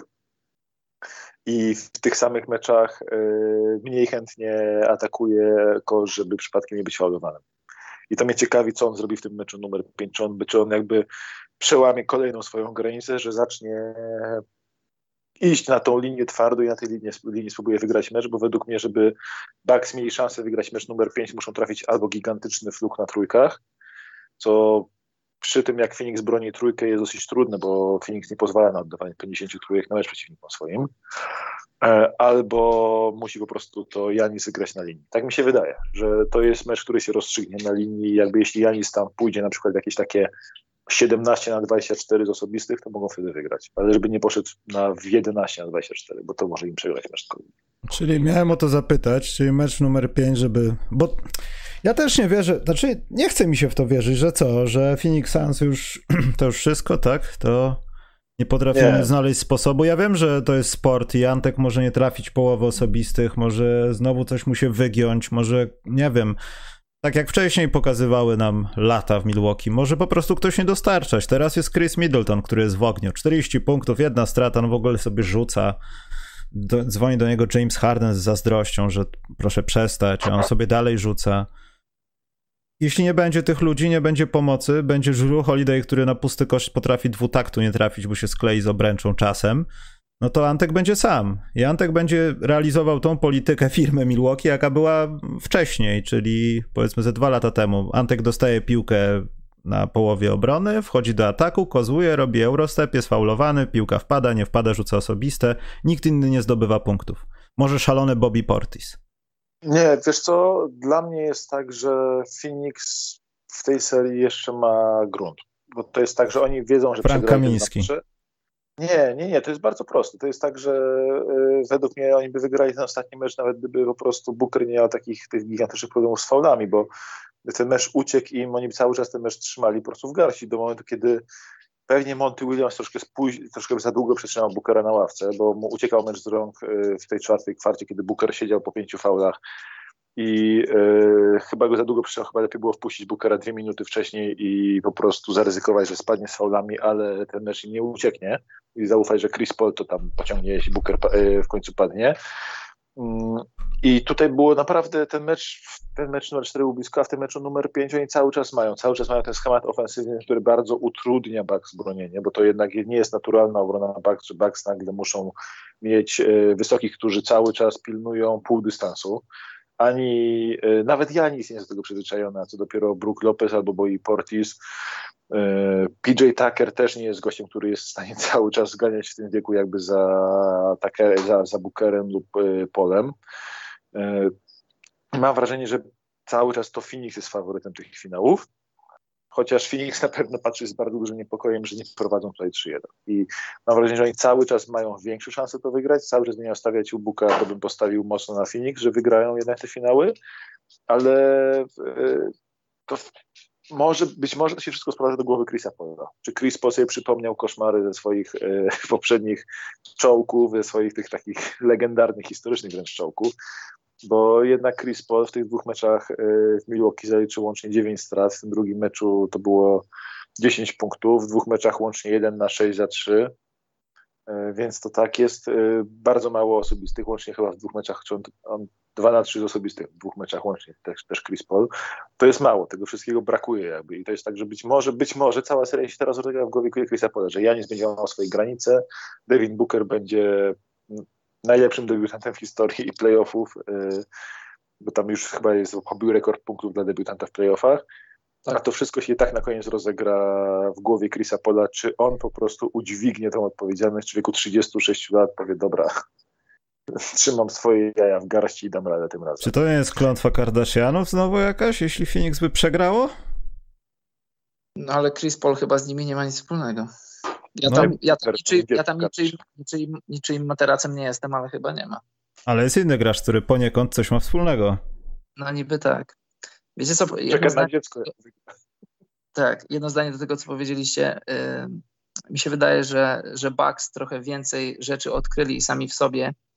I jeżeli, jeżeli te rzeczy zagrają, bo wiadomo, wiedzieć różne rzeczy, a za, zagrać to są, to są, to są no to jest, to jest różnica, ale tak, wiedzą, że muszą atakować Chrisa Pola i tak jak ty Michał powiedziałeś, Drew Holiday w ataku jest zimny i czasem brzydko go oglądać, ale to co robi w obronie, to, to, to statystyki tego nie pokażą, to musisz zobaczyć i musisz rozumieć, co tam się dzieje. Gość jest tak silny, gość jest tak dobry w obronie, że no, brakuje mi teraz słów, żeby, żeby oddać mu to, co trzeba mu oddać. E, Janis grający na środku, to co powiedziałeś Maciek, plus e, Middleton switchujący i próbujący też atakować Bookera. Y, mam takie wrażenie, że Bugs wiedzą skąd pochodzi największe zagrożenie z Phoenix i oni, y, tak jak to się robi w polskiej polityce, próbują robić ucieczkę do, do tyłu czy do przodu, nieważne, i atakować miejsca, z których sami mogą zostać zaatakowani. Chris Paul jest mózgiem, no to rozwalmy ten mózg. Booker y, zaatakuje, to, to my zaatakujmy go pierwsi i zaraz, zaraz macie tylko jedno zdanie, żebym nie zapomniał. I czy oni to zrobią, to ja tego nie wiem, bo to, bo to trzeba jeszcze trafiać do kosza, ale oni wiedzą, gdzie są punkty, w które trzeba zaatakować, żeby, żeby osłabiać Sans i żeby z nimi wygrać. Czy oni to zrobią, tego nie wiemy i zawsze, jak to mówią Amerykanie, ten counter, zobaczymy, z której strony pójdzie w stronę Phoenix, bo, bo Phoenix też nie wiem, kogo mam w tej serii. Nie stawiałem na, na tę serię pieniędzy. Teraz jest mamy best of 3. Chyba nie postawię, ale tak sobie, żeby postawić w głowie, nie wiem. Naprawdę nie wiem, kto to wygra.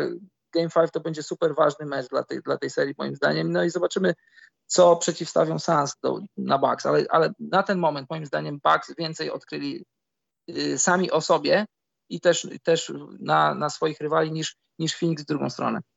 Bo oni wiedzą, że mają zatrzymać Janisa, to jest podstawowa rzecz, ale nie mogą tego zrobić. No i zatrzymać Janisa i też doprowadzić, żeby nie powstawały historie Middletona rzucającego może 50 punktów sobie w meczu. Tak mam, tak mam właśnie co powiedział Karol, to rzeczywiście oni próbują e, to nie, oni to robią od pierwszego meczu, że oni zamęczają Chrisa Paula, zamęczają Bookera. To jest fakt, po prostu oni próbują ich zaorać do ziemi. E, zmęczeniem, to jest coś takiego w stylu siatkarskiej strategii, że serwujemy cały czas na, na, na najlepszego przyjmującego rywali. Aż w końcu zacznie robić błędy, aż w końcu zacznie te piłki puszczać, po prostu nie będzie miał już siły. Że, że, albo że atakujemy serwisem właśnie najlepszego atakującego rywali, żeby musiał tak zapieprzać w obronie, żeby nie dał rady już y, nas mordować 40 punktami w, w meczu, w sensie w siatkówce. I to jest to samo, że oni cały czas atakują ten nawet jeśli Chris Paul jest dobrym obrońcą, to go cały czas atakują, cały czas atakują, niech się tyra, niech się męczy, niech się katuje i po prostu nie musi odechce grać w ataku.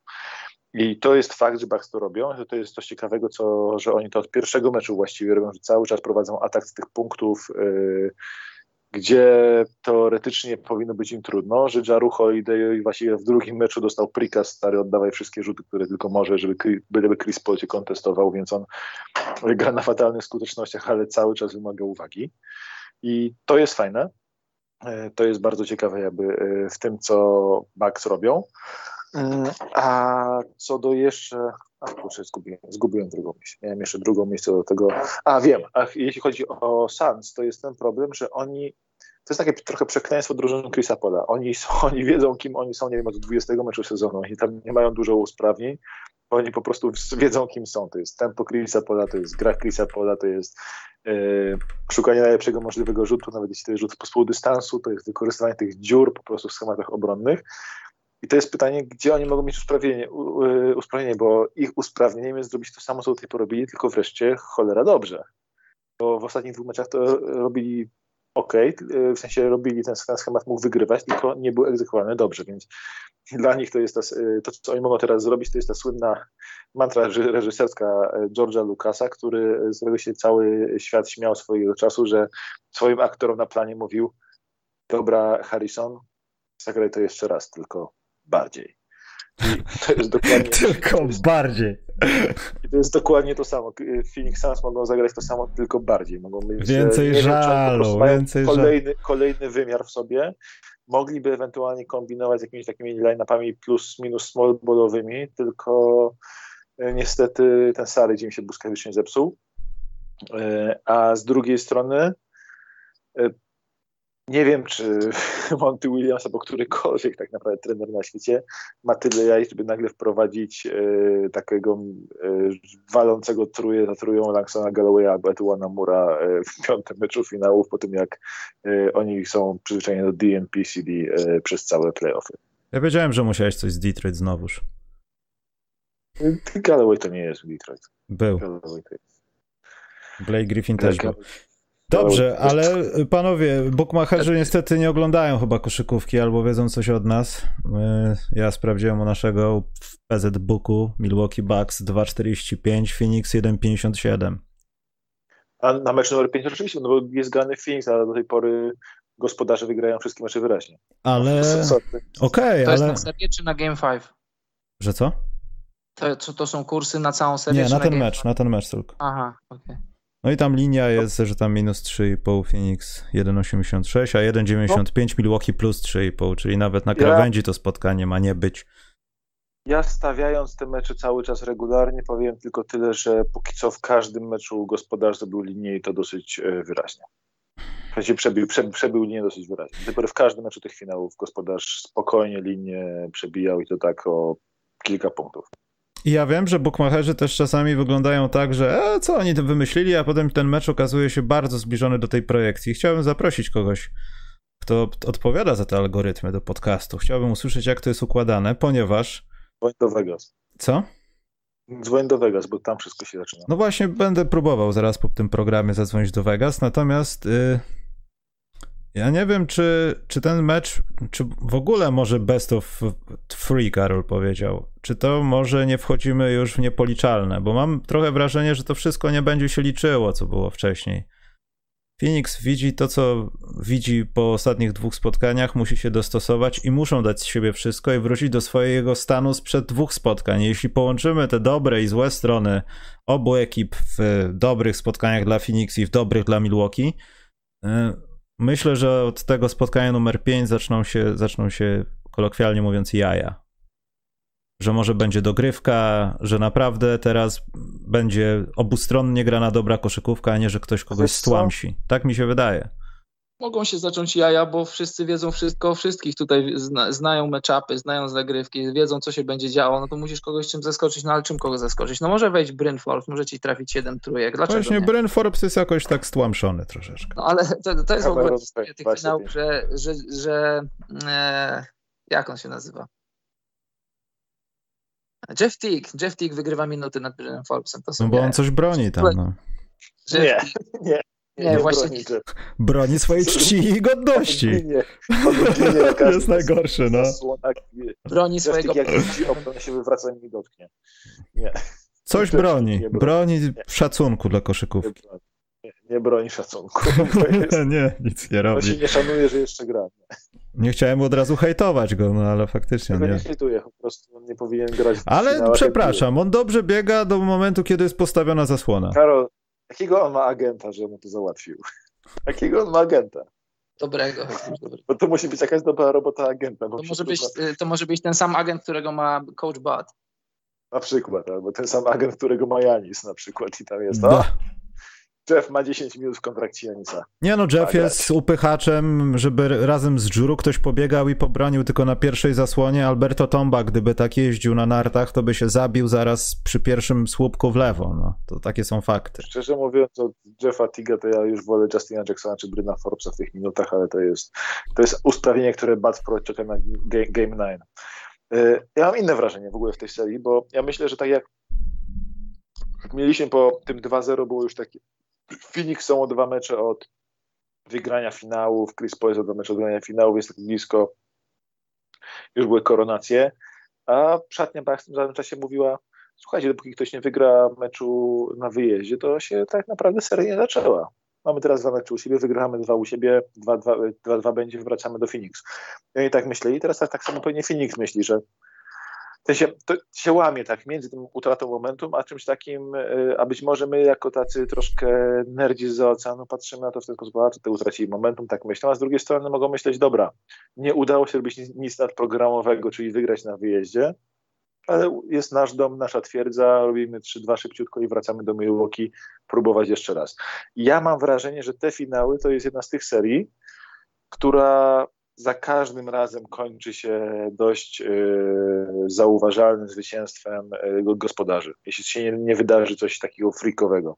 I mam wrażenie, że tutaj Phoenix też zrobi linię, yy, która tam jest minus 3,5 chyba bodajże na Phoenix teraz. I że teraz Phoenix też wygra ten mecz tak w miarę względnie spokojnie. I potem tak naprawdę ten mecz, który będzie decydował wszystkim, to jest czy Bucks udźwigną tą presję Elimination Game e, po tych wszystkich swoich historiach w przyszłości, bo do tej pory w Elimination Games nie mieli najlepszej historii, poza chyba serią Nets. Ale cały czas bym stawiał w tym meczu numer 6, że wtedy Bucks wygrają i, i że nagle mecz numer 7 to nam się skończy w jakimś totalnym błocie i się skończy 84, 8, 78 dla jednej drużyny Ojej. i wygrają, i wygrają ci, którzy po prostu y, mniej y, będą mieć y, mniej kupy w nogawce. No, trudno wiedzieć, powiedzieć. Takie mam wrażenie, że to żeby się generalnie wszyscy do tego sprowadzić, że to jest taka seria z tych. Widzieliśmy takiej serii mnóstwo już, tak? Że sześć spotkań wygrywanych wyraźnie przez gospodarzy i nagle w siódmym meczu rzut monetą. Coś, coś, coś, w tym stylu było chociażby tej serii y, z tym poczwórną obręczą Kawaja Leonarda, tak? To było mniej więcej coś takiego. Tylko tam było 1-1-1-1 bodajże w tych meczach wyjazd, wyjazd dom, ale z grubsza się tego sprowadzało, że drużyny wygrywały wyraźnie, wyraźnie, wyraźnie, nagle mecz numer 7, że wszystkim, wszystkim drżą ręce, wszyscy się uginają pod presją i wygrywa ten, kto ma troszkę, kto się troszkę mniej zesrał. Tak według mnie na to wyjdzie w tej serii. Nie wiem, Karol, coś mówiłeś. Czy nie mówiłeś? E, Co mówiłem? E, t- tak, że mecze siódme, pamiętacie 2010 Lakers Boston, to był taki, to, był, to, był, to było klasyczne zażynanie świni, tam, tam wygrał ten, który mniej razy spudłował, mniej błędów popełnił, tam Kobe był ile tam 6 na 20 ileś, tam Miał e, 17 mieli zbiórek, kilkanaście bardzo. Tak, tak, ileś tam kilkanaście zbiórek w ataku. Co do Game 5, to mi się wydaje, że trochę bardziej pod... Nie lubię rozmawiać o presji, bo mówimy o czymś, czego nigdy nie przeżyliśmy i nie wiemy, jak to jest, ale jeżeli możemy sobie pozwolić rozmawiać o presji, to, to trochę bardziej są Phoenix pod presją, bo w zasadzie Bucks, jeżeli przegrają, to pojadą do domu i, i prawem serii, jeśli wygrają Game 6, to, to będziemy mieli Game 7. Ale jeżeli Phoenix by się podłożyła teraz noga, powinęła noga, to to momentum już całkowicie przychodzi. Bucks wracają do domu, mogą zamknąć serię. I, i, i jeszcze raz mówię po raz enty, że, że Game 5, wydaje mi się, kto wygra Game 5, to będzie mistrzem. kto by to nie był. A... Ale to jest 78% przypadków historii serii tak. playoffów, kiedy zwycięzca Game 5 y, wygrywa serię, nie? To nie jest tak, tak, tak, tak, tak. To jest dość typowe jakby, że to jest, zwłaszcza jeśli jest 2-2 przy tym meczu numer 5, to, to jest... No i też pytanie, co siedzi w głowie Chrisa Pola, to ty mówiłeś Maciek, bo, bo żyjesz i umierasz Chrisem Polem. Chris Paul to jest, to jest, to jest twój, twój mózg, twój generał, ale to, to, to jest człowiek, który, który narzuca pewne schematy i jeżeli wchodzisz w te schematy w sezonie, to jest fajnie, wszystko jest fajnie, ale niech, niech jedna rzecz się zepsuje, niech ci przeczytają jedną rzecz. Ty wiesz, to granie, ja nie chcę nic zabierać Chrisowi Polowi, bo oglądanie go grze to jest poezja, to jest jak on czyta grę. Idziesz i próbujesz ukryć dołem, on pójdzie górą, próbujesz ukryć górą, on pójdzie dołem, odcinasz go od tego, to on zagra tak. No ale Chris Paul ma 36 lat i ma, ma tyle wzrostu co ja, mamy 1,80 nie ma, nie ma więcej ja zawsze podziwiam ludzi, którzy są mojego wzrostu albo niżsi grają w NBA i, i, i, to może się sprowadzić do takiej brzydkiej fizyczności. Też mówiliśmy o tym, że po prostu można chcieć go fizycznie zajechać i nawet ten jego piękny umysł może, ten jego piękny umysł może nie dać rady, jak masz 36-letnie nogi zajechane. I ja jestem bardzo, bardzo ciekawy, jak Chris Paul przyjdzie do tego Wiesz meczu. Co? Dla mnie bardzo ciekawe, przede wszystkim on chyba w życiu nie zagrał, on w życiu nie zagrał tylu spotkań w co w tym sezonie. To jest no, jedna tak. rzecz. Inna rzecz jest taka, że gra ogromne minuty.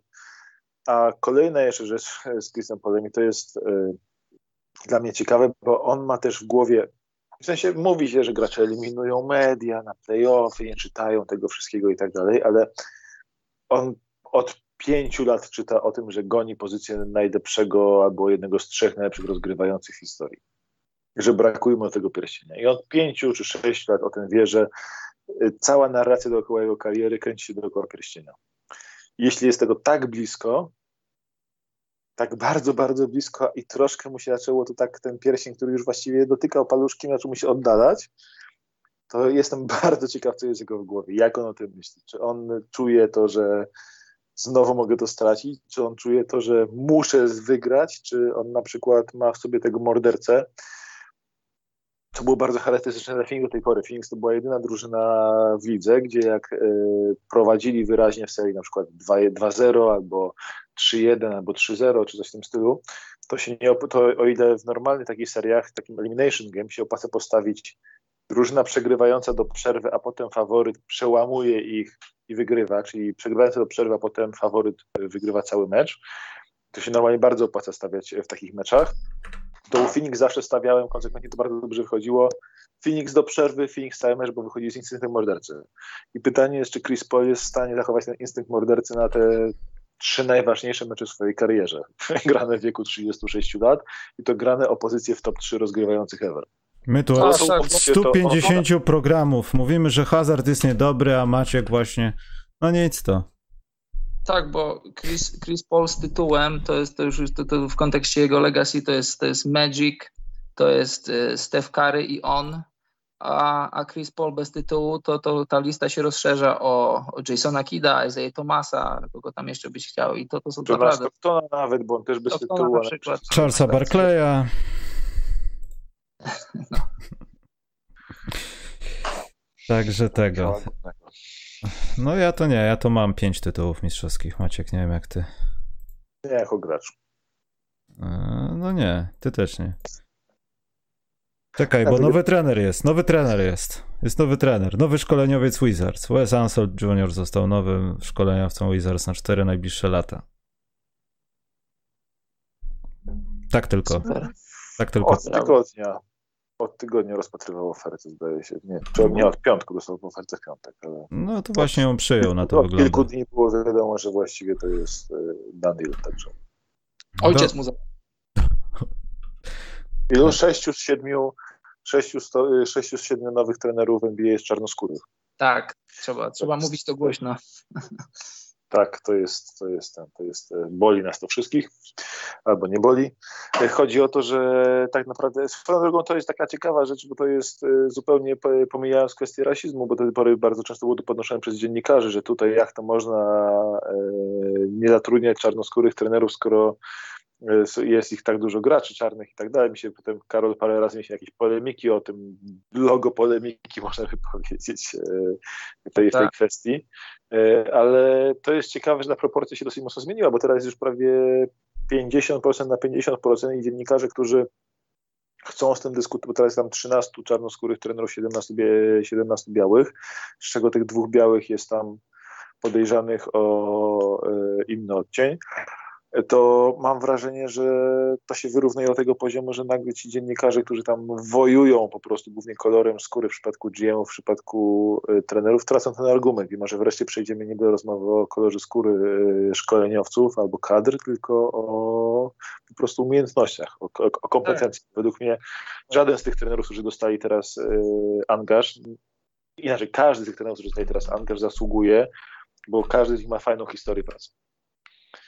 No, ale też trochę, też trochę takie czasy, że jak jesteś, jesteś y, białym asystentem, który od 15 lat pracował w NBA, to, to teraz masz, y, y, mówiąc kolokwialnie, przechlapane, bo wiadomo, że pracy nie dostaniesz, bo tak, taki jest klimat, że nie dostaniesz i ci tacy piewcy czarnoskórych coachów tak jak mówisz, często argumenty z tak zwanej pupy wyciągają, że dlaczego nie ten, dlaczego nie tamten, bo został zatrudniony Carlyle w Indianie. No bo, bo został, no bo chcieli go zatrudnić, bo pracował już tam wcześniej. Brakuje, brakuje mi teraz tylko tego, żeby jakiś Mark Spears albo któryś tam z innych, to taki najbardziej, albo ten Chris Haynes, albo jeszcze tam jakiś inny ten wojujący dziennikarz nie powiedział, w tej Indianie to chyba było za mało diversity. To tak. ewidentny tak. rasizm.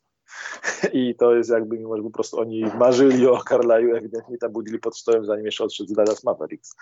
I, tak. jakby, I posądzać, posądzać, jakby ich tam cokolwiek to brakuje, a to już się pojawiły takie, już się pojawiły takie informacje, że ktoś doniósł do League Committee, że e, był niewystarczający diversity w zatrudnianiu Carlaja, więc to, to jest ciekawe, bo dla mnie tych sześciu czarnoskórych trenerów, którzy został zatrudnionych, każdy z nich zasługiwał na to.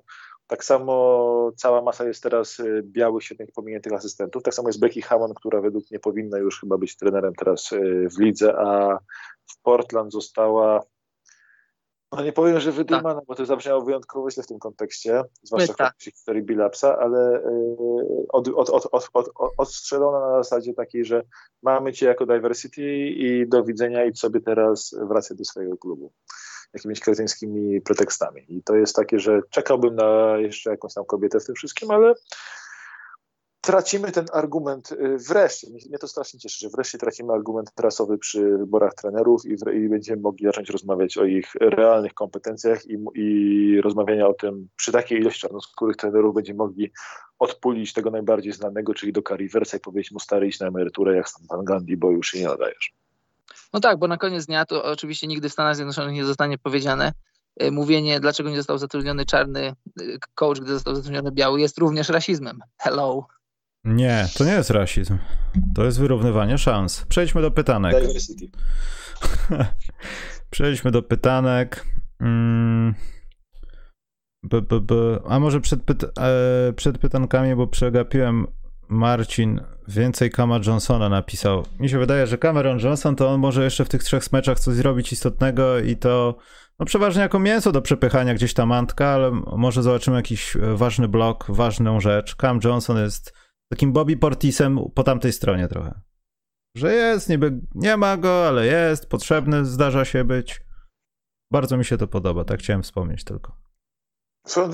no. jeśli mogę, Cam Johnson, Cam Johnson to jest y, pik, który być może najbardziej wyśmiałem e, w historii draftów, poza tym pikiem Sacramento Kings, co wybrali, kurczę, kogo oni tam wybrali.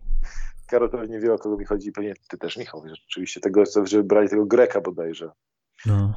no, to? Sacramento Kings. E, co zeszli w drafcie niżej, żeby wybrać tego Greka tam z 11 numerem, czy... Stauskas.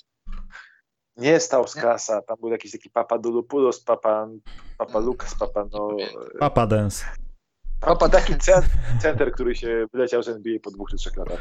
To, to był najbardziej wyśmiewany przez mnie pikiem, a drugi najbardziej wyśmiewany przez mnie pikiem był Cameron, e, właśnie Cam Johnson, który, tak, tak, tak, coś takiego, e, który był e, Cam Johnson, który po prostu wydawało się, że ma połamane biodra, połamane nogi, niesprawne ręce, jedyne co umie rzucać, to umie rzucać za trzy z set shoty i nagle się okazało, że on nie dość, że sezon na sezon jest coraz lepszy, to jeszcze w tutaj ten wsad niewiarygodny przyładował, którego się nikt nie spodziewał po no. Camie Johnsonie. Znaczy, czy nikt się nie spodziewał? No co, to on jest dynamiczny. Skoro Cam Johnson dał taki wsad, to chyba w kolejnym meczu Tori Craig nad kimś, nad, kimś ładuje z góry, albo Frank Kamiński zabije Janisa na plakacie. Tory Craig nie ma Bo... żadnej motywacji w tych finałach. I tak, i tak jest do przodu. Razie, w każdym razie Cam Johnson dla mnie to jest piękna historia, to jest przepiękna historia w NBA, to jest facet, który przełamuje jakby swoje ograniczenia fizyczne, bo miał rzeczywiście gigantyczną czerwoną flagę na drafcie i podobno Phoenix byli jednym z trzech zespołów NBA, które twierdziły, które ignorowało te e, doniesienia lekarzy, że jego biodra nie pozwolą mu grać koszykówkę. E, takie były tam bodajże raporty bodajże Ryana Rosillo, że tylko trzy zespoły w NBA w ogóle olało tego biodra. E, I Cam, Cam Johnson to jest przepiękna historia, to jest fantastyczna sprawa. I szczerze mówiąc, mała szkoda z punktu widzenia Phoenix, że mają w składzie tego Jalena Smitha, a nie Tarisa Halliburtona. Ale możliwe, że James Johnson za bardzo uwierzył w swoją, e, swoją nieomylność przy, przy drafcie w zeszłym roku. Menedżer roku zresztą, który nie wziął e, Halliburton. Dobrze, pytanka są. Y, dwa były od dwóch osób różnych, ale oparte są na podstawie Damiana Lillarda, o którym mieliśmy nie rozmawiać, do którego z 29 klubów pójdzie. Pozdrawiam Przemek, ale niestety chyba do tego doszło. Y, zobaczymy piękny obraz końca lojalności w Portland. Bo ja szczerze mówiąc w to nie wierzę. To jest raz, a dwa to też nie chce mi się wierzyć, że teraz co, takie ciśnienie jest, bo igrzyska, bo tam też w kadrze USA coś się porobiło, można poczuć smrodek, bo tam jest Lillard. Ja już nie wiem, gdzie widziałem na The Athletic, że sytuacja w kadrze USA jest taka sama jak w Portland, zaczyna wszystko zależeć od Damiana Lillarda. Widziałem takie Ale rzeczy. Sześciu graczy. Co? Kadra USA ma teraz sześciu graczy. Znaczy ja wiem, ale oni chyba tego nie wiedzą. Nie? Że tam są nawet inni gracze, tacy lepsi trochę. No nieważne. Trzech Wi- nadal w finałach gra. E, czy Damian tak. Lillard odchodzi z Oregonu? Czy nie? Wyjaśnijmy to i niech Amerykanie ściągają od nas, bo ja już dosyć mam tego. Ja chcę powiedzieć, że nie chciałbym, żeby odszedł, bo jestem, jak wiesz, jestem przeciwnikiem y, centralizowania talentu w obrębie czterech czy pięciu drużyn w NBA. Jeśli tak ma być, no bo zobaczcie, gdyby miał iść do Lakers i mamy tutaj LeBrona, AD, Lillarda kontra najprawdopodobniej y, Nets z KD, z Skyrim i, i z Hardenem i oczami wyobraźni chciałbym takie finały zobaczyć. Dlaczego nie? Masz, masz kolosalny talent kontra kolosalny talent i tam, tam jakie by się działy szachy, to, to byśmy, byśmy mieli. Ale ogólnie w skali ogólnej to byłoby przeczekiwanie sezonu tylko, żeby te finały się odbyły, no bo jeśli przy zdrowych zmysłach i tak trzeźwo patrzysz na sezon, to, to kto wygrywa? Wygrywają Lakers i Nets przy takim układzie, no wiadomo, plus kontuzje ale ja nie chcę takiej NBA oglądać. Nie chcę oglądać y, y, zawodników powiedzmy stop 10, top 15, którzy grają w czterech czy pięciu drużynach. Po to jest 30 drużyn, żeby były w miarę jakieś tam i wiadomo, geopolityki nie oszukasz, nigdy w Milwaukee nie będzie tak fajnie jak w Miami, nigdy w Memphis nie będzie tak fajnie jak w LA, ale jeśli ma się to wydarzyć, niech się, niech się dzieje, ale ja nie jestem fanem tego. Nie podoba mi się to, żeby, żeby takiego kalibru gracze zmieniali kluby. Chociaż też może trochę egoistycznie patrzę ze swojej strony, ta patrzę y, od strony narracji, od strony kibicowania, od strony inspirowania się NBA, bo też gdybym był Lillardem i mam lat 30 czy 31, no to to ucieka mi mój prime i to nie jest moja wina, że mam wokół siebie, no znaczy nad sobą nieudolny management, żeby dał mi dobrych kolegów, bo jest taka statystyka, że od roku 2.15 czy 2.16 Lillard wchodzi do playoffów rok rocznie, a nie miał ani jednego All-Stara, ani jednego y, Rookie of the Year, ani jednego All-NBA zawodnika i on to robi, no to jesteś takim Damianem Lillardem i myślisz sobie, no co możesz więcej zrobić? Idziesz, pukasz do biura i mówisz, zróbcie, pomóżcie mi. Nie no, mogą on tego. miał świetny cytat. On miał świetny cytat, jakby jak powiedział o tym, że po tym jak zwolnili tam trenera, on powiedział, że słuchajcie, patrząc po, po tym składzie, to co dzieli nas od mistrzostwa, to nie jest trener. Tak. I to jest jakby, to jest, to, jest, to, to jest dobry wrzut od niego i to jest dobry tam strzał, to właściwie strzał z armaty z tym Olszeja. Y, inna rzecz, dla mnie problem z tym transferem potencjalnym Lillarda jest takim, że oczywiście Lakers go nie dostaną, bo Lakers nie mają kompletnie za co. Lakers kompletnie, ale to kompletnie nie mają za co, czego oddać. A za... Kyle Kuzma? Przepraszam cię. Alex Caruso? Paczce? E, no nie warto? To są, to są, to są te, te Silent Trade Denisa Schroedera. Rick Fox? A nie, już nie gra, przepraszam. Słuchaj, Jimmy Bass nie puści Kuzmy, to, to jest akurat, to jest pewne, Kyle Kuzma jest Laker for life. E, jeśli chodzi o samego Lillarda, to jest gigantyczny będzie problem z różnicą w wycenieniu Lillarda przez Portland i przez kluby, które chcą Lillarda. Bo klub, każdy klub, który będzie poszedł po Lillarda, będzie mówił moment, moment, on ma 31 lat i w wieku 35 lat będzie stał 50 milionów dolarów rocznie. A obecnie liga jest biedna, liga oszczędza, liga jest w dupie z finansami. I no, ale odbija się od dna, Maciek, nie rysuj takich obrazów. Adaś ostatnio powiedział, jest... że jest lepiej niż zakładaliśmy.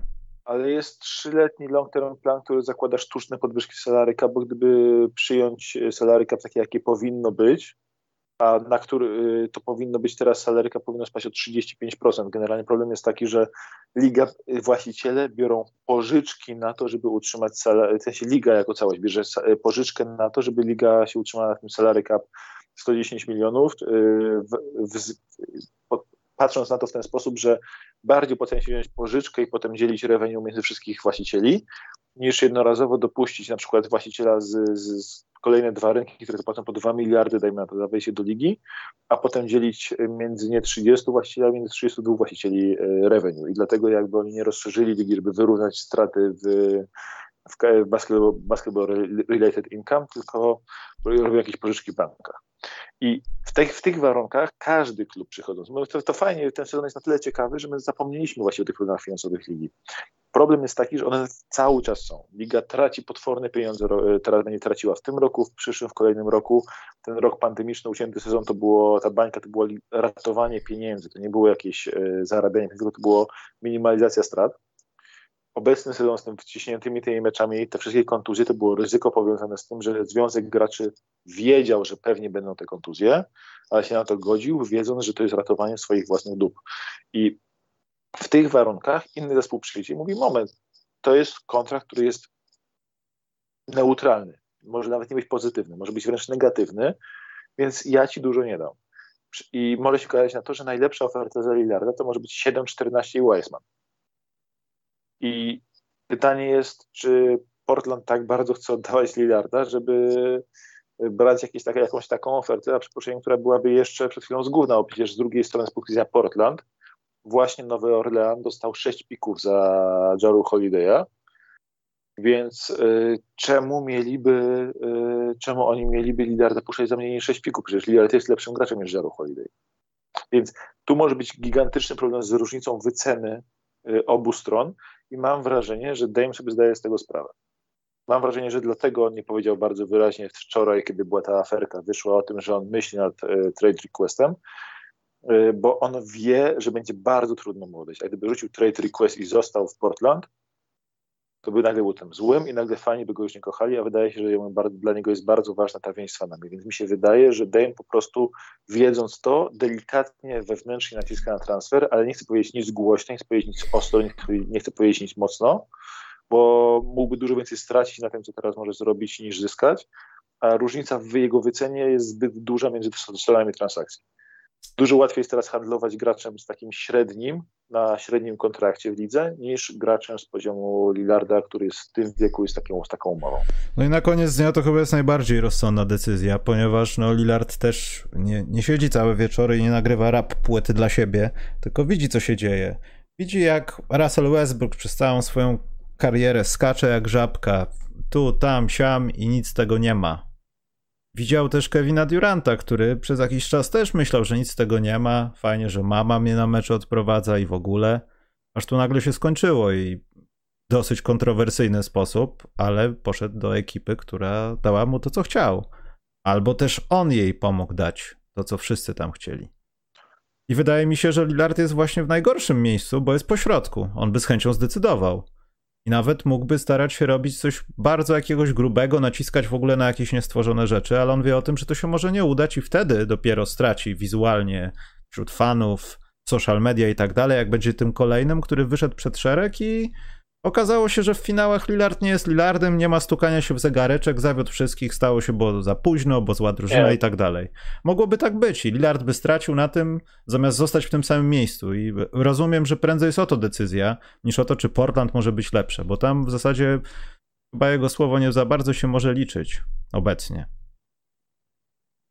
I to jest chyba jego problem największy. Bo to, że z odejściem, no to myślę, że dawno mógłby to zrobić, tylko widzi coś w tym mieście. No, to jest chyba jedna z ostatnich osób, która tak myśli. To jest, to jest, to jest taka ciekawa sytuacja, bo zobacz, odchodzi KD w 2016 roku i tak mi się wydaje, że on i jego obóz mają wrażenie, że teraz y, on, on był wiecznie drugi. Pamiętacie, był, był, taki, był nawet taki duży artykuł I'm done with being two, że już nie chcę, kończę z tym, żeby być zawsze drugim.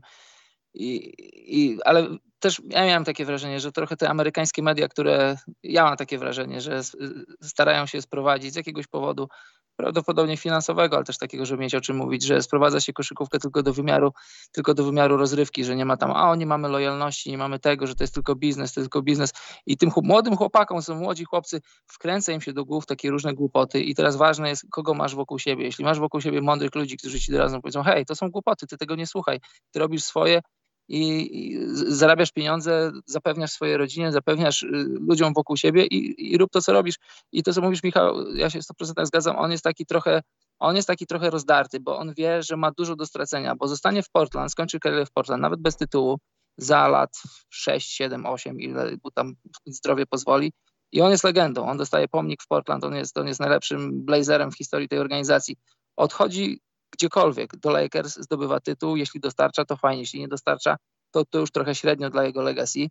I też pytanie, jak to kupi opinia publiczna, jak to kupią dziennikarze, jak to kupią media. W przypadku KD, ci sami dziennikarze, którzy wypychali KD, żeby odszedł z, z, e, z Oklahomy, później ci sami dziennikarze jechali po nim, że to było za łatwe z czym ja się trochę też, też trochę, bardzo się z tym zgadzałem. No drużyna, która wygrała 73 mecze we wcześniejszym sezonie i była dwa posiadania od tytułu, nie potrzebowała gościa, który był top 2 w NBA, nie potrzebowała go, żeby zdobyć tytuł.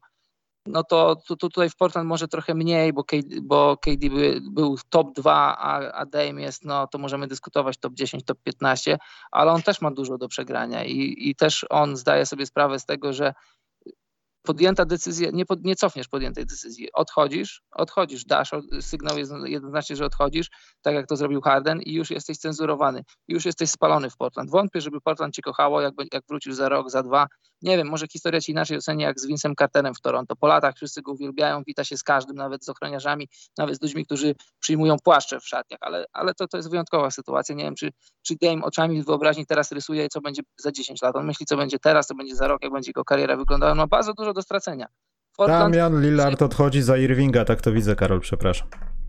Może tak być. Wiesz co, yy, ciekawe, Portland, oni będą bić się o playoffy. Powtarzam, oni nie, oni nie mają pewnego miejsca w ósemce w przyszłym roku, oni się będą bić o ósemkę i to jesteś zawodnikiem top 10 do 15 do dyskusji i, i, i przychodzisz z taką świadomością, że jesteś gorszy już na dzień dobry od siedmiu drużyn w NBA, a z kolejnymi pięcioma powalczysz o to ósme, czy tam dziewiąte, dziesiąte, bo wiadomo, że będzie play-in. I to jest trochę frustrujące, że masz lat 31, 30 i to najlepsze 3-4 najbliższe lata najprawdopodobniej nie będzie grał o nic więcej niż o drugą rundę. To jest smutne. Wiesz co?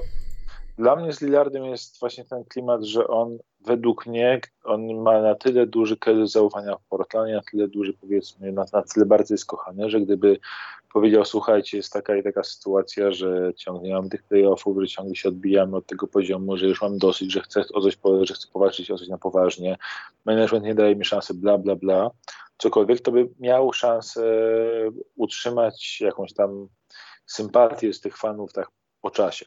Problem jest taki, że on teraz ma sezon, kiedy on zdaje sobie sprawę z tego, że wartość jego, jego kontraktu jest niższa niż byłaby normalnie, przez to trudniej będzie mu odejść, więc bardzo trudno rzucać te żądania odejścia, żądania zmiany i tak dalej w sytuacji, kiedy e, e, nie jesteś pewien, czy inny klub jest w stanie je pozyskać. I to jest dla mnie ten problem. To nie jest dla mnie problem w tym, że on jakby koniecznie nie chce tutaj żądać transferu i tak dalej, ten problem jest właśnie w tym, że on ma świadomość y, nietypowości sytuacji finansowej ligi. Ci goście, te największe gwiazdy NBA mają pełen udział w negocjowaniu tych wszystkich stawek, w negocjowaniu tych warunków, w negocjowaniu tych takich obniżek pensji w wypadku, gdyby tam warunki, wyniki finansowe ligi e, były poniżej oczekiwań. Więc on wiedząc to, jest w bardzo trudnej sytuacji, bo on, ja podejrzewam, że on chciałby odejść, ma już dosyć. Ale jednocześnie ma zbyt dużo do stracenia, a zbyt mało do zyskania, bo bardzo mała szansa jest na to, że drużyna, z którą będzie miał realne szanse, da, będzie w stanie dać mu, dać Portland pakiet, który będzie dla nich do zaakceptowania. I dla mnie tutaj jest ten problem dramat Lillarda, bo jest zakładnikiem swojego kontraktu. Ja go zupełnie nie żałuję, jakby nie było, bo on sam podpisał to takie monstrualnie duże extension dwa lata temu chyba jeszcze. Więc, no ale wiesz, e, wtedy była inna rzeczywistość, inna wizja tego wszystkiego, tam się wszystko zgadzało. Nie? Gdybyś, gdybyś mi zaproponował tę kasę i w wysokości jednej dziesiątej tego, co on dostał, wiadomo, przy innych warunkach, i powiedział, no ale nie będziesz mógł spełnić swojego marzenia o mistrzostwie. No to mówię, no słuchaj, gdzie się podpisać? Ale od razu I... mówimy, że mistrzostwo nie jest wliczone w cenę. Tak, tak, tak. No to ja myślę, że on miał świadomość tego, że raczej mistrzem nie będzie, jeśli zostanie w Portland podpisał ten kontrakt, bo dostał monstrualną kasę, która zapewniła przyszłość nie tylko jego wnukom, ale wnukom jego wnuków. I dla mnie to jest spoko i ja mu nie współczuję, że on zwyłał w tej sytuacji, ale z drugiej strony czuję ten jego problem z wydostaniem się z miejsca, gdzie on jest, bo on nie tylko stawia na szali swoje legacy, ale stawia to swoje legacy w Portland, być może przeciwko czemuś, co wcale nie będzie dużo lepsze. I to jest ten kłopot. Karola, do Karola pytanie teraz będzie, tylko poczekaj, okno mi się zgubiło. Yy... Słucham, słucham bardzo. Marcin pytał, czy jest jakiś protokół sędziowski dotyczący zachowania na ławce rezerwowych. Yy, nie wychodzić. No tak, nie wychodzić, nie przeszkadzać. Ale nie wiem, no są dachy, tak? No bo to chyba nie jest trudne pytanie. No. Nie, no tak, no, dajesz na początku upomnienie. Najpierw mówisz trenerowi, proszę uspokoić swoich zawodników. Raz nieoficjalnie, później oficjalnie mówisz, że to jest oficjalne upomnienie, proszę uspokoić swoich zawodników, a później sypią się daszki. Znaczy nie sypią się, bo, bo, bo to jest tak, że jeżeli dasz dacha zawodnikowi konkretnemu, to idzie na jego konto, ale jeżeli ławce, to idzie dla trenera. I, I trener może dostać dwa razy B, czyli dwa razy bench i za trzecim razem on sam leci. O, to też fajnie. No. Dwa daszki. Coach, I... coach jako C może dostać dwa dachy i wylatuje, ale z B może dostać dwa jeszcze być na boisku za trzecim razem schodzi. O, to jest karmnik wtedy. E, jest drugie, Karol, do Ciebie pytanie dotyczące Twoich pytań do Luki. Czy trafiły te pytania na jakieś zagraniczne strony? I czy zauważyłeś jakiś zwiększony ruch na swoich platformach? E, nie, raczej nie zauważyłem, bo moje pytanie owszem gdzieś tam zaczęło krążyć, ale tam nikt, e, nikt nie zauważyłem, żeby ktoś mnie wymienił z nazwiska, bo, bo po co? Mhm. No dobrze. To... Nie, to jest pytanie do Michaela Jordana. Eee, tam, Gdzie widać czubek głowy Michała. Dla... Tak, gdyby, gdybym... A, nieważne. Mogłem doprowadzić do tego, że tego pytania by po prostu nie było. Ale co, zająłem miejsca. Podzięku byś tam stał Michałowi. przy stanie, przy ścianie i byś tam. Michałowi. Dokładnie. I Wojtek też, bo też moja kurtka musiała pojawić się. Nieważne. Moim zdaniem i tak bardziej szokujące, wizjonerskie, a jednocześnie prześmiewcze i wizjonerskie było pytanie do wtedy jeszcze kolegów z drużyny, pana Billa i pana Portera. Pan Porter tak się uśmiał, że po dwóch tygodniach już wąchał inny zespół. Twoja kurtka znajdzie się w Hall of Fame w Springfield, która do... zajęła miejsce. Nie, tam była akurat moja torba. No to ona też. Poza tym było... poświęciłem się, żeby nie pójść coś zjeść nawet. Tak byłem nagrzany na to. Dobrze, ostatnie pytanie. głowy Michała w Hall of Fame, pytanie do, pytanie do Michaela Jordana. Nie, jeśli chodzi o czubek mojej głowy, to w Hall of Fame jest ten y, rzut, który uruchomił opcję pasa mistrzowskiego na Twitterze w Berlinie w 2014 roku. Wyginam się za, ta, za konstrukcję kosza, żeby coś widzieć i widać tylko w transmisji czubek mojej głowy.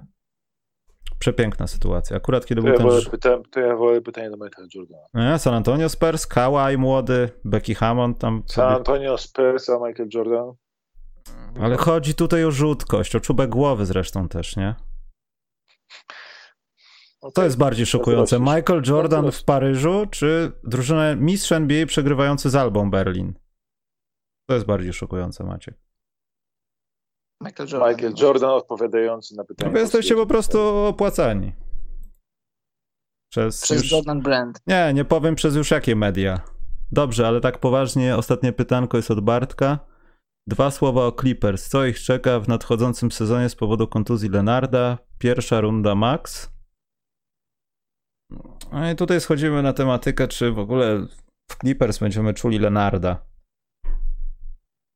Nie wiem. będzie w ogóle w Clippers. To mi Może... przypomina tą całą sytuację w San Antonio, coś mu jest, teraz nie będzie wiadomo co mu jest, będzie przez 40 lat load management. Nie wiadomo co mu jest, przyszedł no na prawie za cela, 10 miesięcy przerwy. Ale okej, okay, potem będzie nie wiadomo co mu jest, bo on dalej nie chodzi, o tym mówię nie wiadomo co mu jest. Wtedy też przeszedł operację i ledwo wchodził po schodach po pół roku niech, niech, ludzi, niech ludzi nie zwiedzie naderwanie kontra zerwanie, bo to, to, to leczy się. Znaczy, operacja jest taka sama, rehabilitacja jest taka sama i czas powrotu jest taki sam. To jest, to jest 9 miesięcy plus. Nie no, przy naderwaniu więzadła krzyżowego, jeśli nie robisz tego amatorsko jak dla emeryta, czyli nie zakładasz opaski, które to stabilizuje, ale jest gigantyczna szansa na rekontuzję i brak sportu do końca życia, to jeśli nie robisz czegoś takiego, bo to pozwala wrócić do takiej normalnej aktywności, nie mówię takiej poważnej, tylko normalnej aktywności po 3-4 miesiącach, przeciwieństwie do 10 miesięcy, to yy, jeśli nie liczysz tej opaski, to oni de facto to więzadło ci wycinają, stawiają nowe. To jest... Yy, tu nie ma jakby jakiejś e, zabawy w półśrodki e, przy takim acelu, więc e, Kałaj to jest cały sezon przyszły ma, ma wycięty, to nie ma, co się, nie ma co dyskutować. Ja mam wrażenie, że teraz, jako że on ma tę historię z tym swoim, z tą swoją czwórką, ma teraz ACL-a w tym wieku, mimo no, Kałaj Leonard też nie jest taki młody, on ma blisko 30 ile ma lat. Cyborgi nie mają wieku. On ma chyba około trzech dych już. Już sprawdzę. Ma trzy dychy, ma już trzy dychy. Ma już 30, tak, 30 ma. ma. On ma problemy z czwórką, ma tą tendinopatię, która ma do końca kariery za nim chodzić, ma yy, ACL-a. To ja mam wrażenie, że szczerze, że on weźmie ten kontrakt, że, że niekoniecznie weźmie kontrakt, kontrakt od Clippers, bo on teraz ma w sobie obietnicę tego, że wróci do swojego poziomu po tej kontuzji za rok. I to jest jego najbyć, być, to jest być może jego, i on pewnie sobie zdaje z tego, on i jego wujek sobie zdają z tego sprawę, że to jest być może jego najwyższa wartość na najbliższy, do końca jego kariery. Więc ja podejrzewam, że on teraz wypo, y, nie, nie podejmie opcji i albo podejmie tę opcję i za rok by zrobił ten, ten, ten, sam numer, ale tak czy siak jakby Clippers mogą go nie zobaczyć, bo on weźmie opcję i dostanie więcej kasy do końca kariery, czyli albo teraz y, wypowie opcję i weźmie 5 lat, od kogoś po prostu jakiegoś maksa, albo e, cztery. za rok zrobi dokładnie cztery data, albo za rok zrobi dokładnie to samo. W sensie, że po prostu weźmie najwyższy dostępny kontrakt. Mam nadzieję, że Damian Lillard obserwuje tą sytuację i też zapisuje sobie w kajeciku, jakie mogą być możliwości różnych zmian. Swoją drogą Ka Kałaj może powiedzieć na przykład Clippers, słuchajcie, jeśli nie chcę, jeśli się boicie mojego zdrowia i tak dalej, i tak dalej, możemy zrobić sami trade jakiś. Wiesz, to jest y, dla mnie, według mnie Kałaj będzie szukał teraz najwyższego możliwego kontraktu, najwyższy możliwy, będzie szukał monetyzowania resztki swojej kariery, bo podejrzewam, że nawet pewność siebie graczy NBA, jaka, jaka jest niezbędna w tym zawodzie, nie pozwoli mu jakby myśleć o tym nie pragmatycznie, tylko idealistycznie, że a jeszcze wrócę. Bo on może już nie wrócić. On ma tak duże problemy z tymi nogami, że już miał tykającą bombę w jednej nodze, teraz ma tego acela. Ja jestem przekonany, że on po prostu będzie szukał teraz największej kasy, choćby to była kasa podana mu z jakiegoś Wąchocka inne, czy innego Cleveland. No, Więc e, dla...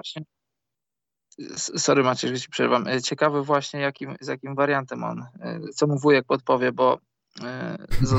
Nie powiem tego zostawia NBA z kontuzją, ale też zostawia NBA z jednymi z najlepszych playoffów w swojej karierze. I taką kartą będzie grał. I teraz tak, y, podejmuje opcję, i może, nie, może podpisać, znaczy wejść, dokonać dwie biznesowe decyzje bez, nie, bez zagrania jakiegokolwiek meczu w najbliższe dwa lata. To teraz tak, nie, nie, gra meczu, podejmuje opcję za 36 milionów. Za rok jest całkowicie wolnym agentem, podpisuje z Clippers pięcioletni. To ja bym się zastanowił, będąc Clippers, ale to już nieważne. Podpisuje pięcioletni z Clippers lub czteroletni z kimkolwiek innym, nie grając meczu koszykówki de facto przez dwa lata, ale ja na jego miejscu nawet bym nie próbował grać, bo to, to tylko, tylko możesz obniżyć no. swoją rynkową wartość. No, tak, no. ja bym przed ja bym przed podpisaniem czegokolwiek udawał, że jestem niesprawny. Tak. po prostu. Y, dlatego pytanie. Ale on to już kiedyś robił. Taki, ale problem jest taki, że Clippers będą mieć prawo jako jego pracodawca robić mu wszystkie badania medyczne przez najbliższy rok.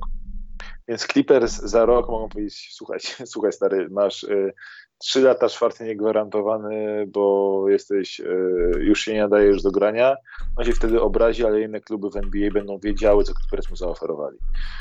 I według mnie jakby to jest taka sytuacja troszkę jak, e, że, troszkę, że on może za rok być w sytuacji takiej, że liga już wie, że on się nie nadaje, a teraz ma w sobie obietnicę powrotu do formy, w tym najlepszym sezonie, że ma obietnicę w sobie, że jeszcze będzie.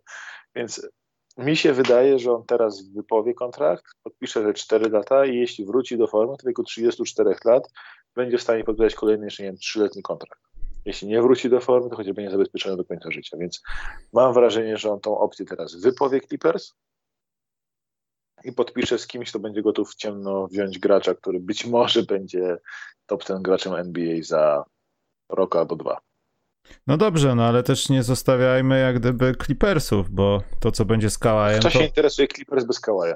No to jest raz, a dwa, no to tam jest przywiązany Paul George i Clippersi zdają się... Co? Reggie Jackson, najlepszy gracz. Ty, może Reggie Jackson się wyprostował i będzie bolerem w sezonie regularnym, w co nie wierzę do końca, ale może tak będzie.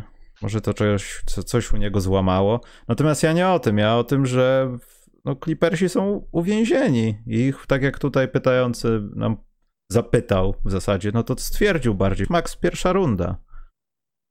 I Clippersi są w jeszcze gorszym położeniu, jak, w jakim byli bez Lenarda i bez George'a. Znaczy w gorszym, w takim samym są, w nicości. No. Play miejsca, gdzie zakładając jeszcze grasz playny, więc możesz tam w ogóle się nie znaleźć.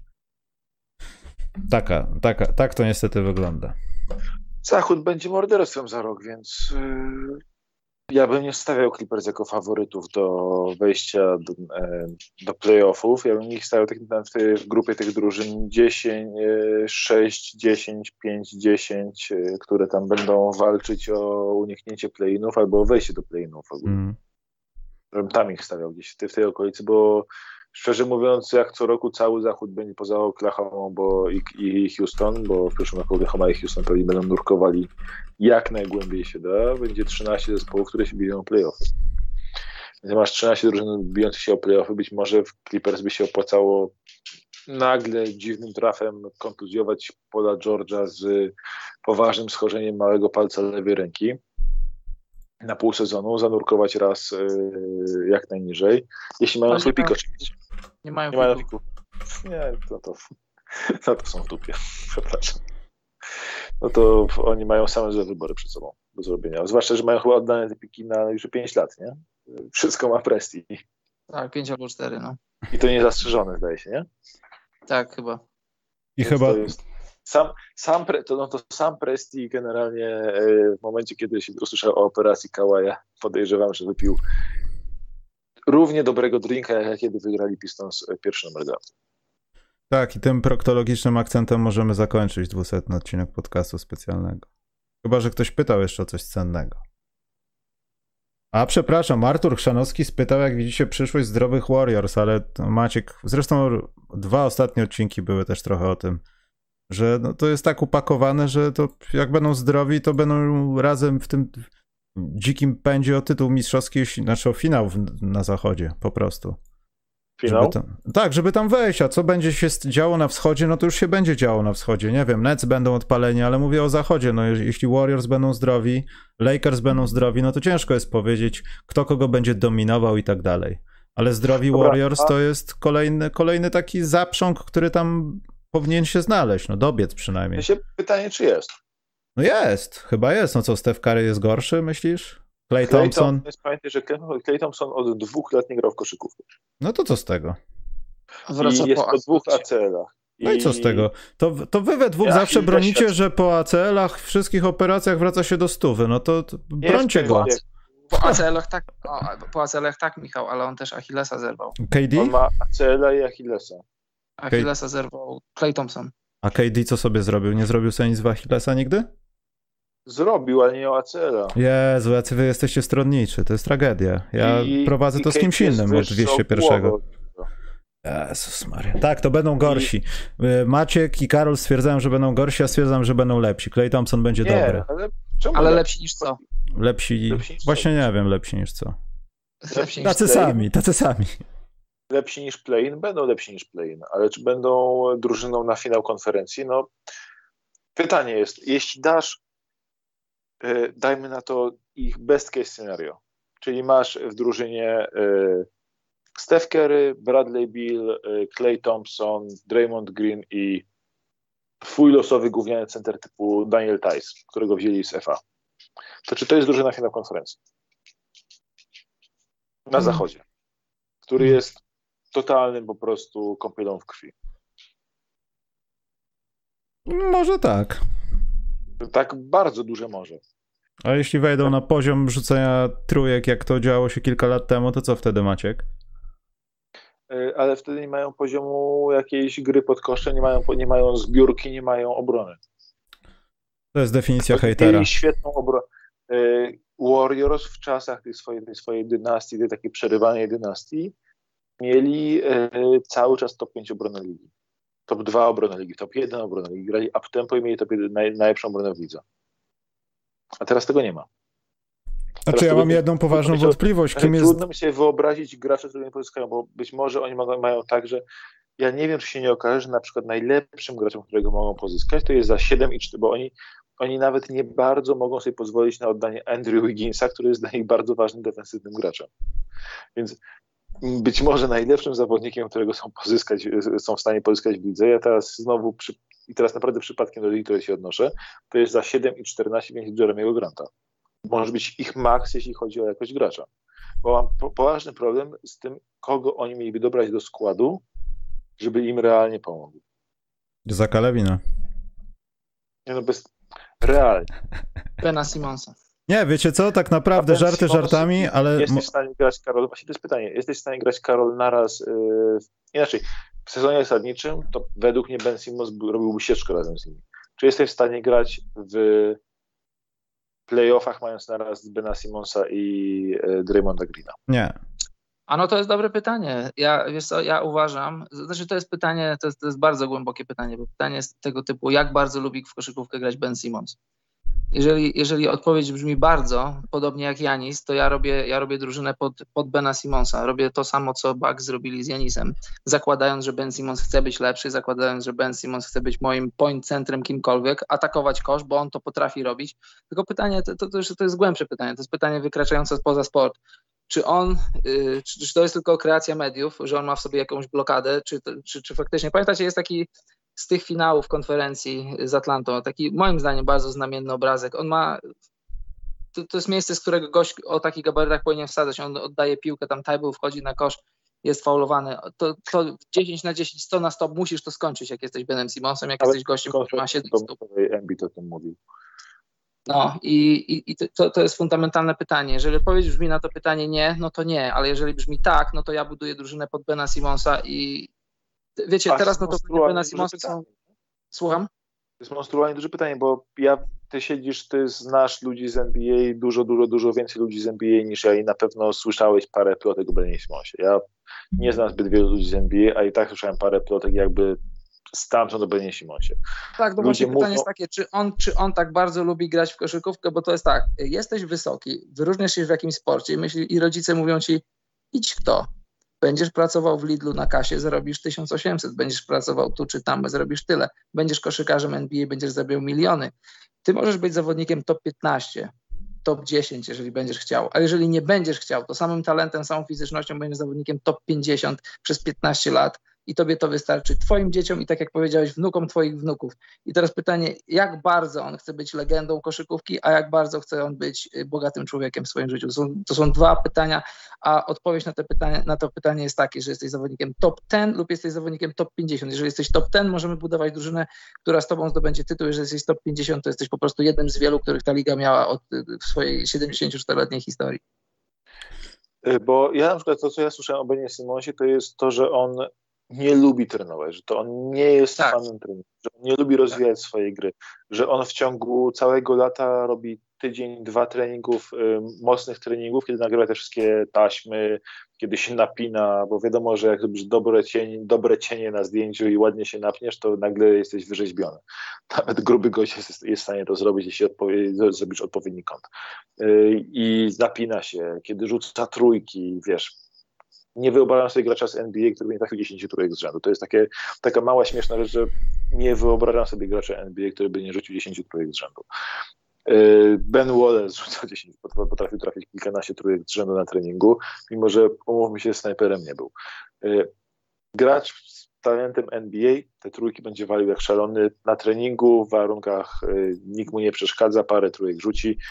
No pewnie i ty Karol, i pewnie i Michał, i nawet ja, każdemu z nas się zdarzyło trafić 10 trójek po kolei, żaden z nas nie ma rzutowo podejścia do najgorszego strzelca w NBA. I chodzi o to, że nagrywasz takie taśmy, nagrywasz i potem Ben nagrywa takie taśmy przez tydzień, dwa tygodnie i potem idzie na melanż, a stopniowo wrócę na Instagram tutaj e, z ikonką bicepsa, tutaj z, e, jaki, z, z jakąś ikonką ognia, jaki jest e, fantastyczny, jak mu dobrze idzie, i de facto Ben Simmons dużo bardziej lubi Los Angeles Melange, dużo bardziej lubi te wszystkie gwiazdki lokalne, dużo bardziej lubi się pobawić, potańczyć, a koszykówka to jest tylko do tego droga. I wszystko to słyszałem o Ben Simmonsie z paru miejsc, to jest, się powtarza za każdym razem to samo. No dobrze, Więc, tylko e, podstawowe pytanie, no i co z tego? To z tego, że, Bo... że na takiego gracza nie postawisz w przyszłości organizacji jak... E, Ależ oczywiście jak... i Ben Simmons moim zdaniem wie o tym. I tylko to, co opowiada, że jest inaczej, że nie wiem, tam w playoffach, och, nowa miłość z Embidem, to już le... o, super, w ogóle Filadelfia buziaczki. Ale może po prostu to jest tak, że tak jak powiedzieliście, to są zabiegi marketingowe, żeby też przykryć to, słuchajcie, no NBA jest fajne, dziewczyny są fajne, ja wyglądam fajnie, jestem młody, mam pieniądze, nie jestem najgorszym koszykarzem, chciałbym zdobyć tytuł mistrzowski, ale na razie chcę się pobawić, bo obserwuję ligę i z dziesięcioletnim przelotem jak mój kolega, jakiś Tobias Harris, czy ktoś inny wejdę sobie do drużyny, zdobędę pierścień. Może to jest ten sposób myślenia. I na koniec dnia Ale... ma miliony dolarów i ma wszystko w dupie, a tak naprawdę presję między innymi wytwarzamy my, eksperci, kibice i tak dalej, że Ben Simmons ma być kimś, kim tak naprawdę może nie chcieć być. Ale to jest, spójrz, ale to jest generalnie pytanie, bo spoko, dla mnie Ben Simmons jak tak chce robić, jak chce tak żyć, niech żyje. Problem to jest właśnie to, co Karol mówił, że jeśli Ben Simmons lubi koszykówkę, jeśli chce być kolejnym Janisem, mieć tą pasję, drive i tak dalej, to ja staję na niego wszystko. Ale on według mnie nic nie wskazuje na to, że on to ma. Od paru I lat. To jest ten problem. To nie jest, to nie jest ten problem. To jest jeden z bardzo rzadkich przypadków gracza, który zaliczył w NBA regres rzutowy. On coraz gorzej rzuca osobiste. On nie rzuca coraz lepiej, on rzuca coraz gorzej osobiste. On na przykład miał takie wskaźniki, że te osobiste będą coraz lepsze, bo po gorszych osobistach w stanie zasadniczym osobistych był w stanie rzucać lepsze, lepiej z, z linii w playoffach, jak się bardziej koncentrował, przyłożył, bla, bla, bla, cokolwiek. Teraz jest coraz gorszy z tym, jest coraz gorszy z osobistych. Czy jest cokolwiek, w czym jest lepszy w ataku niż był 2 czy 3 lata temu? No według mnie nie ma tego po prostu. I Ben Simmons nie rozwija się. Te plotki o jego tych takich bardzo treningach pod publiczkę są bardzo głośne, bardzo wyraźne, bardzo powszechne. Jego boisko też to jakby pokazuje, że zdecydowanie to nie jest gość, który ma jakiś tam drive taki, że za wszelką cenę chce zrobić wszystko, co tylko możliwe, żeby wygrać. Jeśli ma nie rzucać punktów, to będzie gryz parkiet, będzie rzucał na ziemię i tak dalej. Tego też nie widzimy.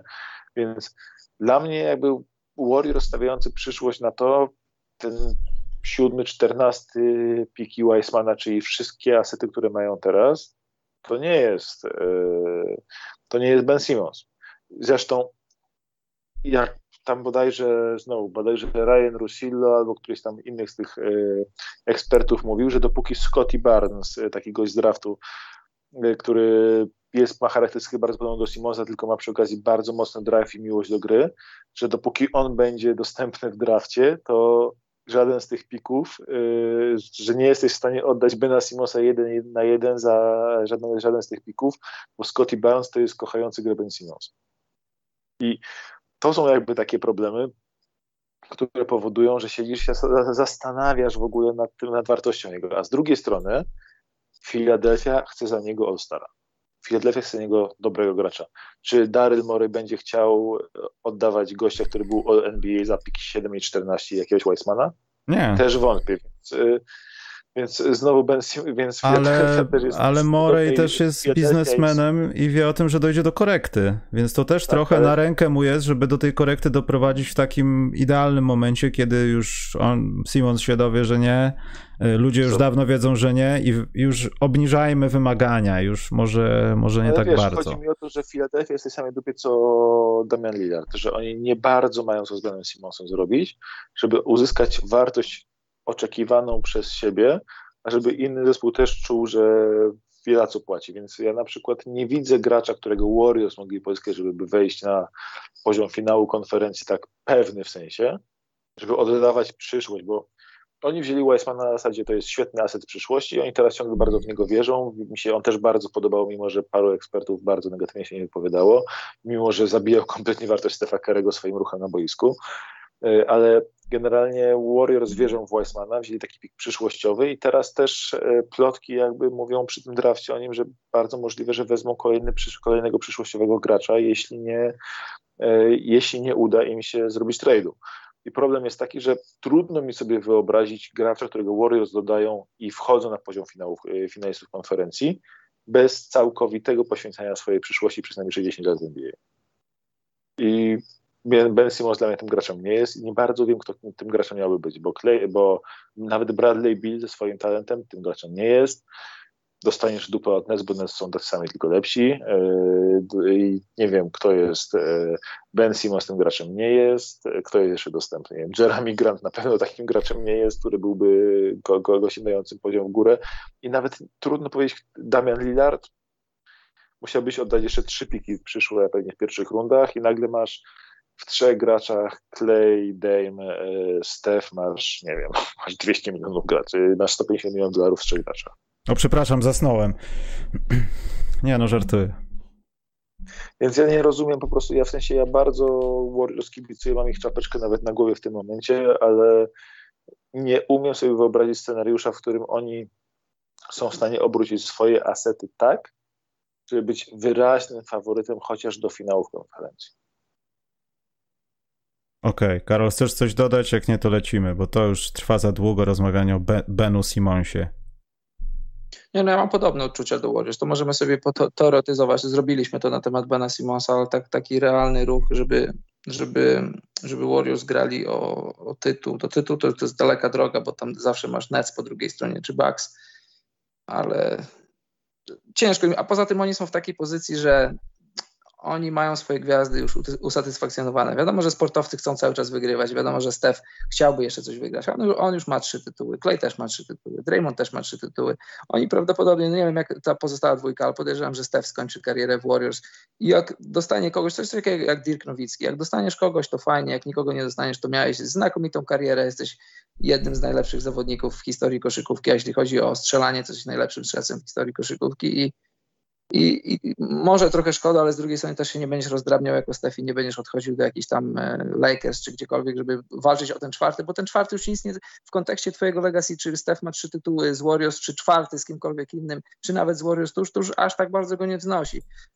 Możemy dyskutować, czy jest, też możemy w ogóle dyskutować, czy on jest rozgrywającym, to jest podstawowe pytanie. Czy masz go ponad Magiciem? Prawdopodobnie nie. Czy ten czwarty tytuł by coś zmienił? Prawdopodobnie nie. Więc to jest komfortowa sytuacja, z jednej strony trochę słabo, ale z drugiej strony komfortowa sytuacja i dla Warriors i dla Stefa, że oni wiele mogą, ale już tak, aż tak bardzo nie muszą. Ale wiecie co, tak. to jest, poczekaj, bo wypadnie mi z głowy, to jest bardzo ciekawa rzecz, bo jakby się tak, nie wiem, to trzeba było chyba z Rafałem Juciem pogadać, albo z kimś, kto po prostu brał udział w scoutingach wtedy, że może to po prostu jest tak, że Ben Simmons wybrał jedyną możliwą ścieżkę bycia na boisku, ponieważ to potrafi robić w sposób i tutaj możemy wymieniać raczej w superlatywach niż w negatywach, bo nie umiem rzucać, bo nie mam tych rzeczy, o których rozmawialiśmy przed chwilą, i to mi zostaje jako moja wizytówka.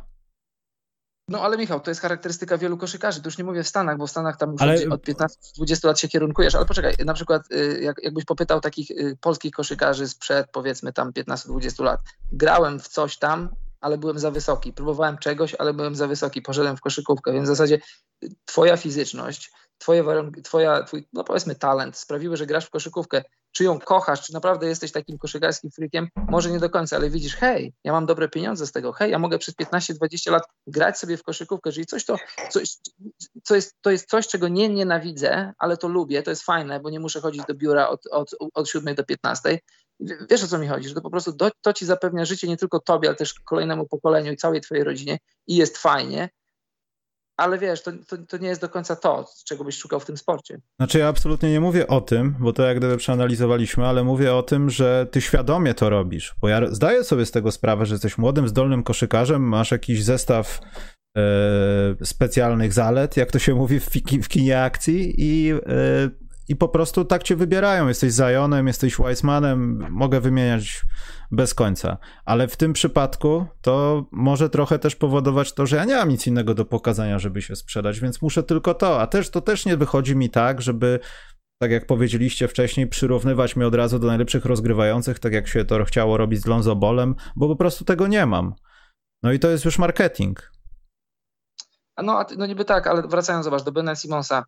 Y, wszystko to, co złego powiedzieliśmy o nim, gość, któremu się nie chce trenować, woli imprezować, był w All-NBA, był w All-NBA, mm -hmm. więc to rozbudza wyobraźnię, że jeżeli jest gdzieś ten ptyczek, jeżeli jest jakiś klub, któremu się wydaje, dajcie nam Bena Simonsa, my go naprostujemy, to moim zdaniem gra jest warta świeczki czy jest, tu możemy dyskutować, czy poświęcisz pięć pików za niego, czy jakiś młody talent, czy, równo, czy na ten moment równoważną gwiazdę oddajesz i wybierzesz Bena Simonsa, bo masz wrażenie, masz poczucie, że z Bena Simonsa gracza top 15, który tam dwa sezony temu był top 15, no bo de facto był w All-NBA, zrobisz z niego gościa, wokół którego budujesz kontendera. Jeżeli w to wierzysz, to moim zdaniem powinieneś spróbować to zrobić. Przynajmniej dać sobie szansę. Rok, dwa, ok, nie udało się, ten gość nie jest tym gościem, o którym myśleliśmy. Ale jeszcze raz, gość, któremu się nie chce trenować, który woli imprezować, jest w stanie być samą fizycznością i samym talentem w top, w top 15, no to pomyśl, co by, co by zrobił, gdyby o tych 15-20% jeszcze dołożył się, jeszcze bardziej, tak jak Maciek e... powiedział. Bądź Benem Simonsem, tylko bardziej. Ja pomyślałem o czymś innym, że tak naprawdę rozmawiamy o 20 minutach, teoretyzując, łącząc psychikę z ciałem i wszystkimi wypadkowymi, ale popatrzmy brutalnie, to jest zawodnik kadry Australii. E, chciałbym mieć w naszej kadrze zawodnika, który tak gra na pół gwizdka, jest takim beztalenciem i nie potrafi rzucać. Wiesz co, z Benem Simonsem ja mam jeszcze tak, że to jest gość. Chciałbym który... mieć takie beztalencie w Polsce, w cudzysłowie. No.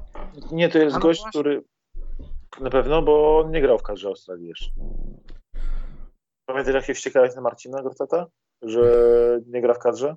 Jak na jedną kadrę. No dobrze, no ale to jest spowodowane jakimś konfliktem. Czy... Siedział sfrustrowany generalnie w, teraz w Polsce i się ściekał, czemu on ma kompletnie w dupie swój kraj. Dobrze, jak chcesz się tak bardzo czepiać, chciałbym mieć przynajmniej kogoś z połową talentu jak Ben Simmons w kadrze, chociażby do obrażania się na ławce, a potem oglądania go w NBA.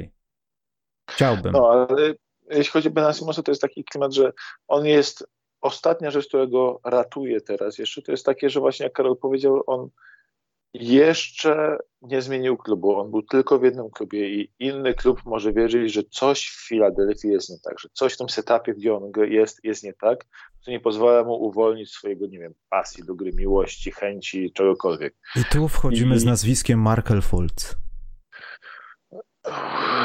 I w, że Filadelfia coś robi źle, że tam nie sztab do przygotowania fizycznego jest zły, że nie jest, że tam fizjoterapeuci patrzący na przykład z daleka na Filadelfię mówią, że tam, fizjo, tam nie może być dobry sztab medyczny, bo tam jest no, bardzo... już jedzie po kogoś. Tak, tak, tak pewnie, pewnie po moje lewe kolano. E, w każdym razie e, jest taka szansa, że drużyny będą jeszcze rzucały w ciemno, że to jest taki talent, że a nóż się do go przestawić. Tak jak Karol mówił, bo to jest takie rzeczywiście y, kuszące, tylko pytanie jest, jak bardzo wierzysz y, w swoją organizację, że jest w stanie naprostować faceta, który mimo wszystko jest w całkiem niezłej sytuacji. I to jest ten kłopot, tak? A z drugiej strony, tak jak Karol też, y, odnosząc się do tego, co Karol mówił do, Golden State, to oni muszą zgrywać drużynę, która cały czas będzie goniła mistrzostwo, która cały czas będzie chciała wygrywać i tak dalej, ale z drugiej strony są na jedzeniu. Oni muszą sobie, oni mogą sobie, mając Stefa Kerego, zagwarantować takie płynne przejście od kontendowania do przyszłego kontendowania. San Antonio. Jak Boston, no. jak Boston sobie zrobił na pikach Nets. Czyli, że tutaj byli wysoko, byli wysoko, ale już nie byli tak naprawdę aż tak wysoko, ale tutaj sobie wzięli y, Browna, Tatuma i nagle wrócili znowu na ten poziom właściwie prawie, prawie że nie wylatując z playoffów. Jak Houston swojego czasu tam za Moreya, kiedy przechodząc z ery Yao Minga i Tracy'ego McGrady'ego do ery, nie wiem, Jamesa Hardena, czy jakieś tam pośredniej jeszcze ery, prawie nie wylecieli z playoffów. I e, Warriors mają tą szansę, że tam jadąc na legendzie Stefa Curry'ego będą się utrzymywać na tych playoffach, przy okazji rozwijając, nie wiem, Jamesa Weissmana, jakiegoś Kiona Johnsona, e, Jamesa Booknighta, jeśli go z czternastką wezmą, czy, czy coś tam, więc ja ostatnio zacząłem tak myśleć, że oni niekoniecznie na przykład będą oddawać swoje piki w drasie, mimo wszyscy tak myślą, bo jest spora szansa, że oni będą nagle stwierdzą, słuchajcie, spróbujemy teraz jeszcze przebudować się na tym, a Steph Curry, no, czy by miał trzy mistrzostwa w, w San Francisco, czy cztery, to jest wszystko jedno. Y, nawet pięć mu nic nie zmieni za bardzo, jeśli chodzi o jego legacy. Jest top 20 graczem ever, ale top 10 raczej nigdy nie będzie. Więc y, bazujmy na tym, niech on się bawi, niech on sobie oddaje swoje rzuty, niech y, y, tutaj ugruntuje swoją pozycję najlepszego strzelca w historii, niech pobije wszystkie rekordy trójek o tysiąc rzutów trafionych, czy coś, czy coś w tym stylu. Niech się bawi, a cała reszta niech się spokojnie toczy i my pod tą płaszczykiem tego takiego, takie metagame jakby, tak, że pod płaszczykiem tego niby kontendowania, niby walki, nie przedłużenia ery Stefa Karego będziemy sobie budować nową generację, nową drużynę, która nas za trzy lata znowu prowadzi do playoffów i znowu będziemy ważni. Przepraszam was wszystkich, ale Maciek pewnie brał krak, dlatego ten, ten monolog o Simonsie zostanie wycięty. Dlaczego o Simonsie rozmawialiśmy przez 20 minut ostatnich? To jest jakaś... I o Golden State Warriors. Tragedia to jest. Co? Jest bardzo interesujący na wielu poziomach. Mhm. Akurat że jakby nie byliśmy... Simons Warriors są dwa super interesujące tematy dla mnie. Ale nie na 200 odcinek podcastu specjalnego, który właśnie muszę zakończyć. Mecz jest za 4 godziny.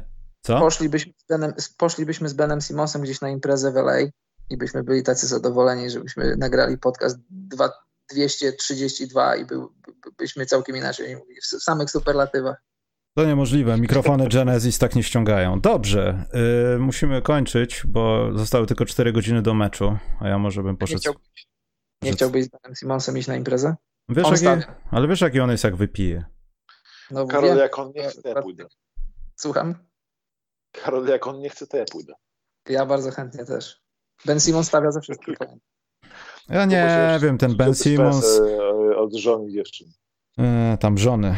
Co matki, oj, ojcowie dziewczyn. No nieważne. Y, 4 godziny, 4 minuty do meczu, który będzie wygrany przez wiecie kogo? Na pewno nie Bena Simonsa. Niech przegra gorszy. Niech przegra gorszy. Poddaj się i tak wygrasz. Ze mną dzisiaj był Karol, co zadawał pytanie Jordanowi, chociaż uważam, że Bradley Bill dostał bardziej w kość pytaniem i to jest w top jeden moich pytań Karola, przy których uczestniczyłem. A jak? Dziękuję, dobranoc. E, ze mną był Maciek, który po prostu dużo mówił i nie brał narkotyków w tym odcinku. Pozdrawiam. Piłem piwo. To też używka. I byłem ja, który podlał dziś ogródek, mimo że pada już od tygodnia. Dlatego chciałbym was wszystkich serdecznie pozdrowić. Czyli muszę wypadać gorzej niż pijący piwo w trakcie podcastu. Nie, ja chciałem powiedzieć, że to mnie wpienia trochę, bo jak jest tak gorąco, to odpala mi się jakieś takie są, nie chcę nazwać tego sąsiedzkie, ale wychodzisz do ogródka po prostu, żeby go podlać, popatrzeć się w zieleń. Mam nowy gatunek ptaka w ogródku. Przepięknie. Jakiego? Oj, zapisałem sobie, bo ja chciałem polecić wszystkim ludziom, którzy na przykład nie wiedzą, który na przykład ptak. Siedzicie sobie u siebie w ogrodzie, nie? I słyszycie kwilenie jakieś ptasie, jakieś tutaj. Nie wiecie, co to jest. Ja się kompletnie na tym nie znałem. Poczekajcie, odpalam, żeby nie skłamać. Nazywa się to BeardNet i centralnie nagrywacie sobie, zaznaczacie to, co nagraliście i dzięki lokalizacji pokazuje prawdopodobieństwo, co to może być. I u mnie to się nie myli. No i co to było? Y, Krogulec? nie, KOS 1. KOS jest na pewno u mnie. I poczekaj, wejdę w listę. Był Rudzik. i jeszcze inna odmiana kosa, tylko się nazywa inaczej po łacinie, ma inne ubarwienie. Tak, Michał, chciałem Ci podziękować, bo dzięki Tobie mój monolog o Benie Simonsie nie był najmo- najnudniejszą częścią podcastu. Znaczy ja nie Dziękuję. wiem, nie wiem Maciek jak swoim monologiem o Simonsie, bo zasnąłem, także ciężko mi jest ocenić. A słuchaj, Ale jeśli to jest teraz- porównywalne Maciek, to dziękuję bardzo za te słowa docenienia masz, i słyszysz? Słucham. A jak masz, dwa, a jak masz dwa różne kosy, to one nie mają ze sobą kosy? E, Właśnie tutaj chodzi o to, że chyba, chyba on po prostu opisuje samca albo samiczkę, bo ja już teraz kminiłem, co robi samiec albo samiczka e, rano. Wróbli mam dużo teraz. Wróble jedzą larwy tych mrówek. Zrobiłem im szwedzki stół taki trochę przy mrowisku i tam wróble rano urzędują. No i wrona mącząca bułkę w wodzie. No to jest dla mnie już szczyt po prostu ewolucji organizmów żywych. Kochanie, możesz No. wejść kiedy chcesz na antenę, bo nie gadają o ptakach. Prawda? Moje kochanie pyta mnie, Mało kiedy... tego ptakach, które maczają bułkę. Dobrze, kończmy, kończ właśnie. Dobrze. Dzięki wielkie. Trzymajcie się. Na razie, cześć. Czołem. Dobranoc.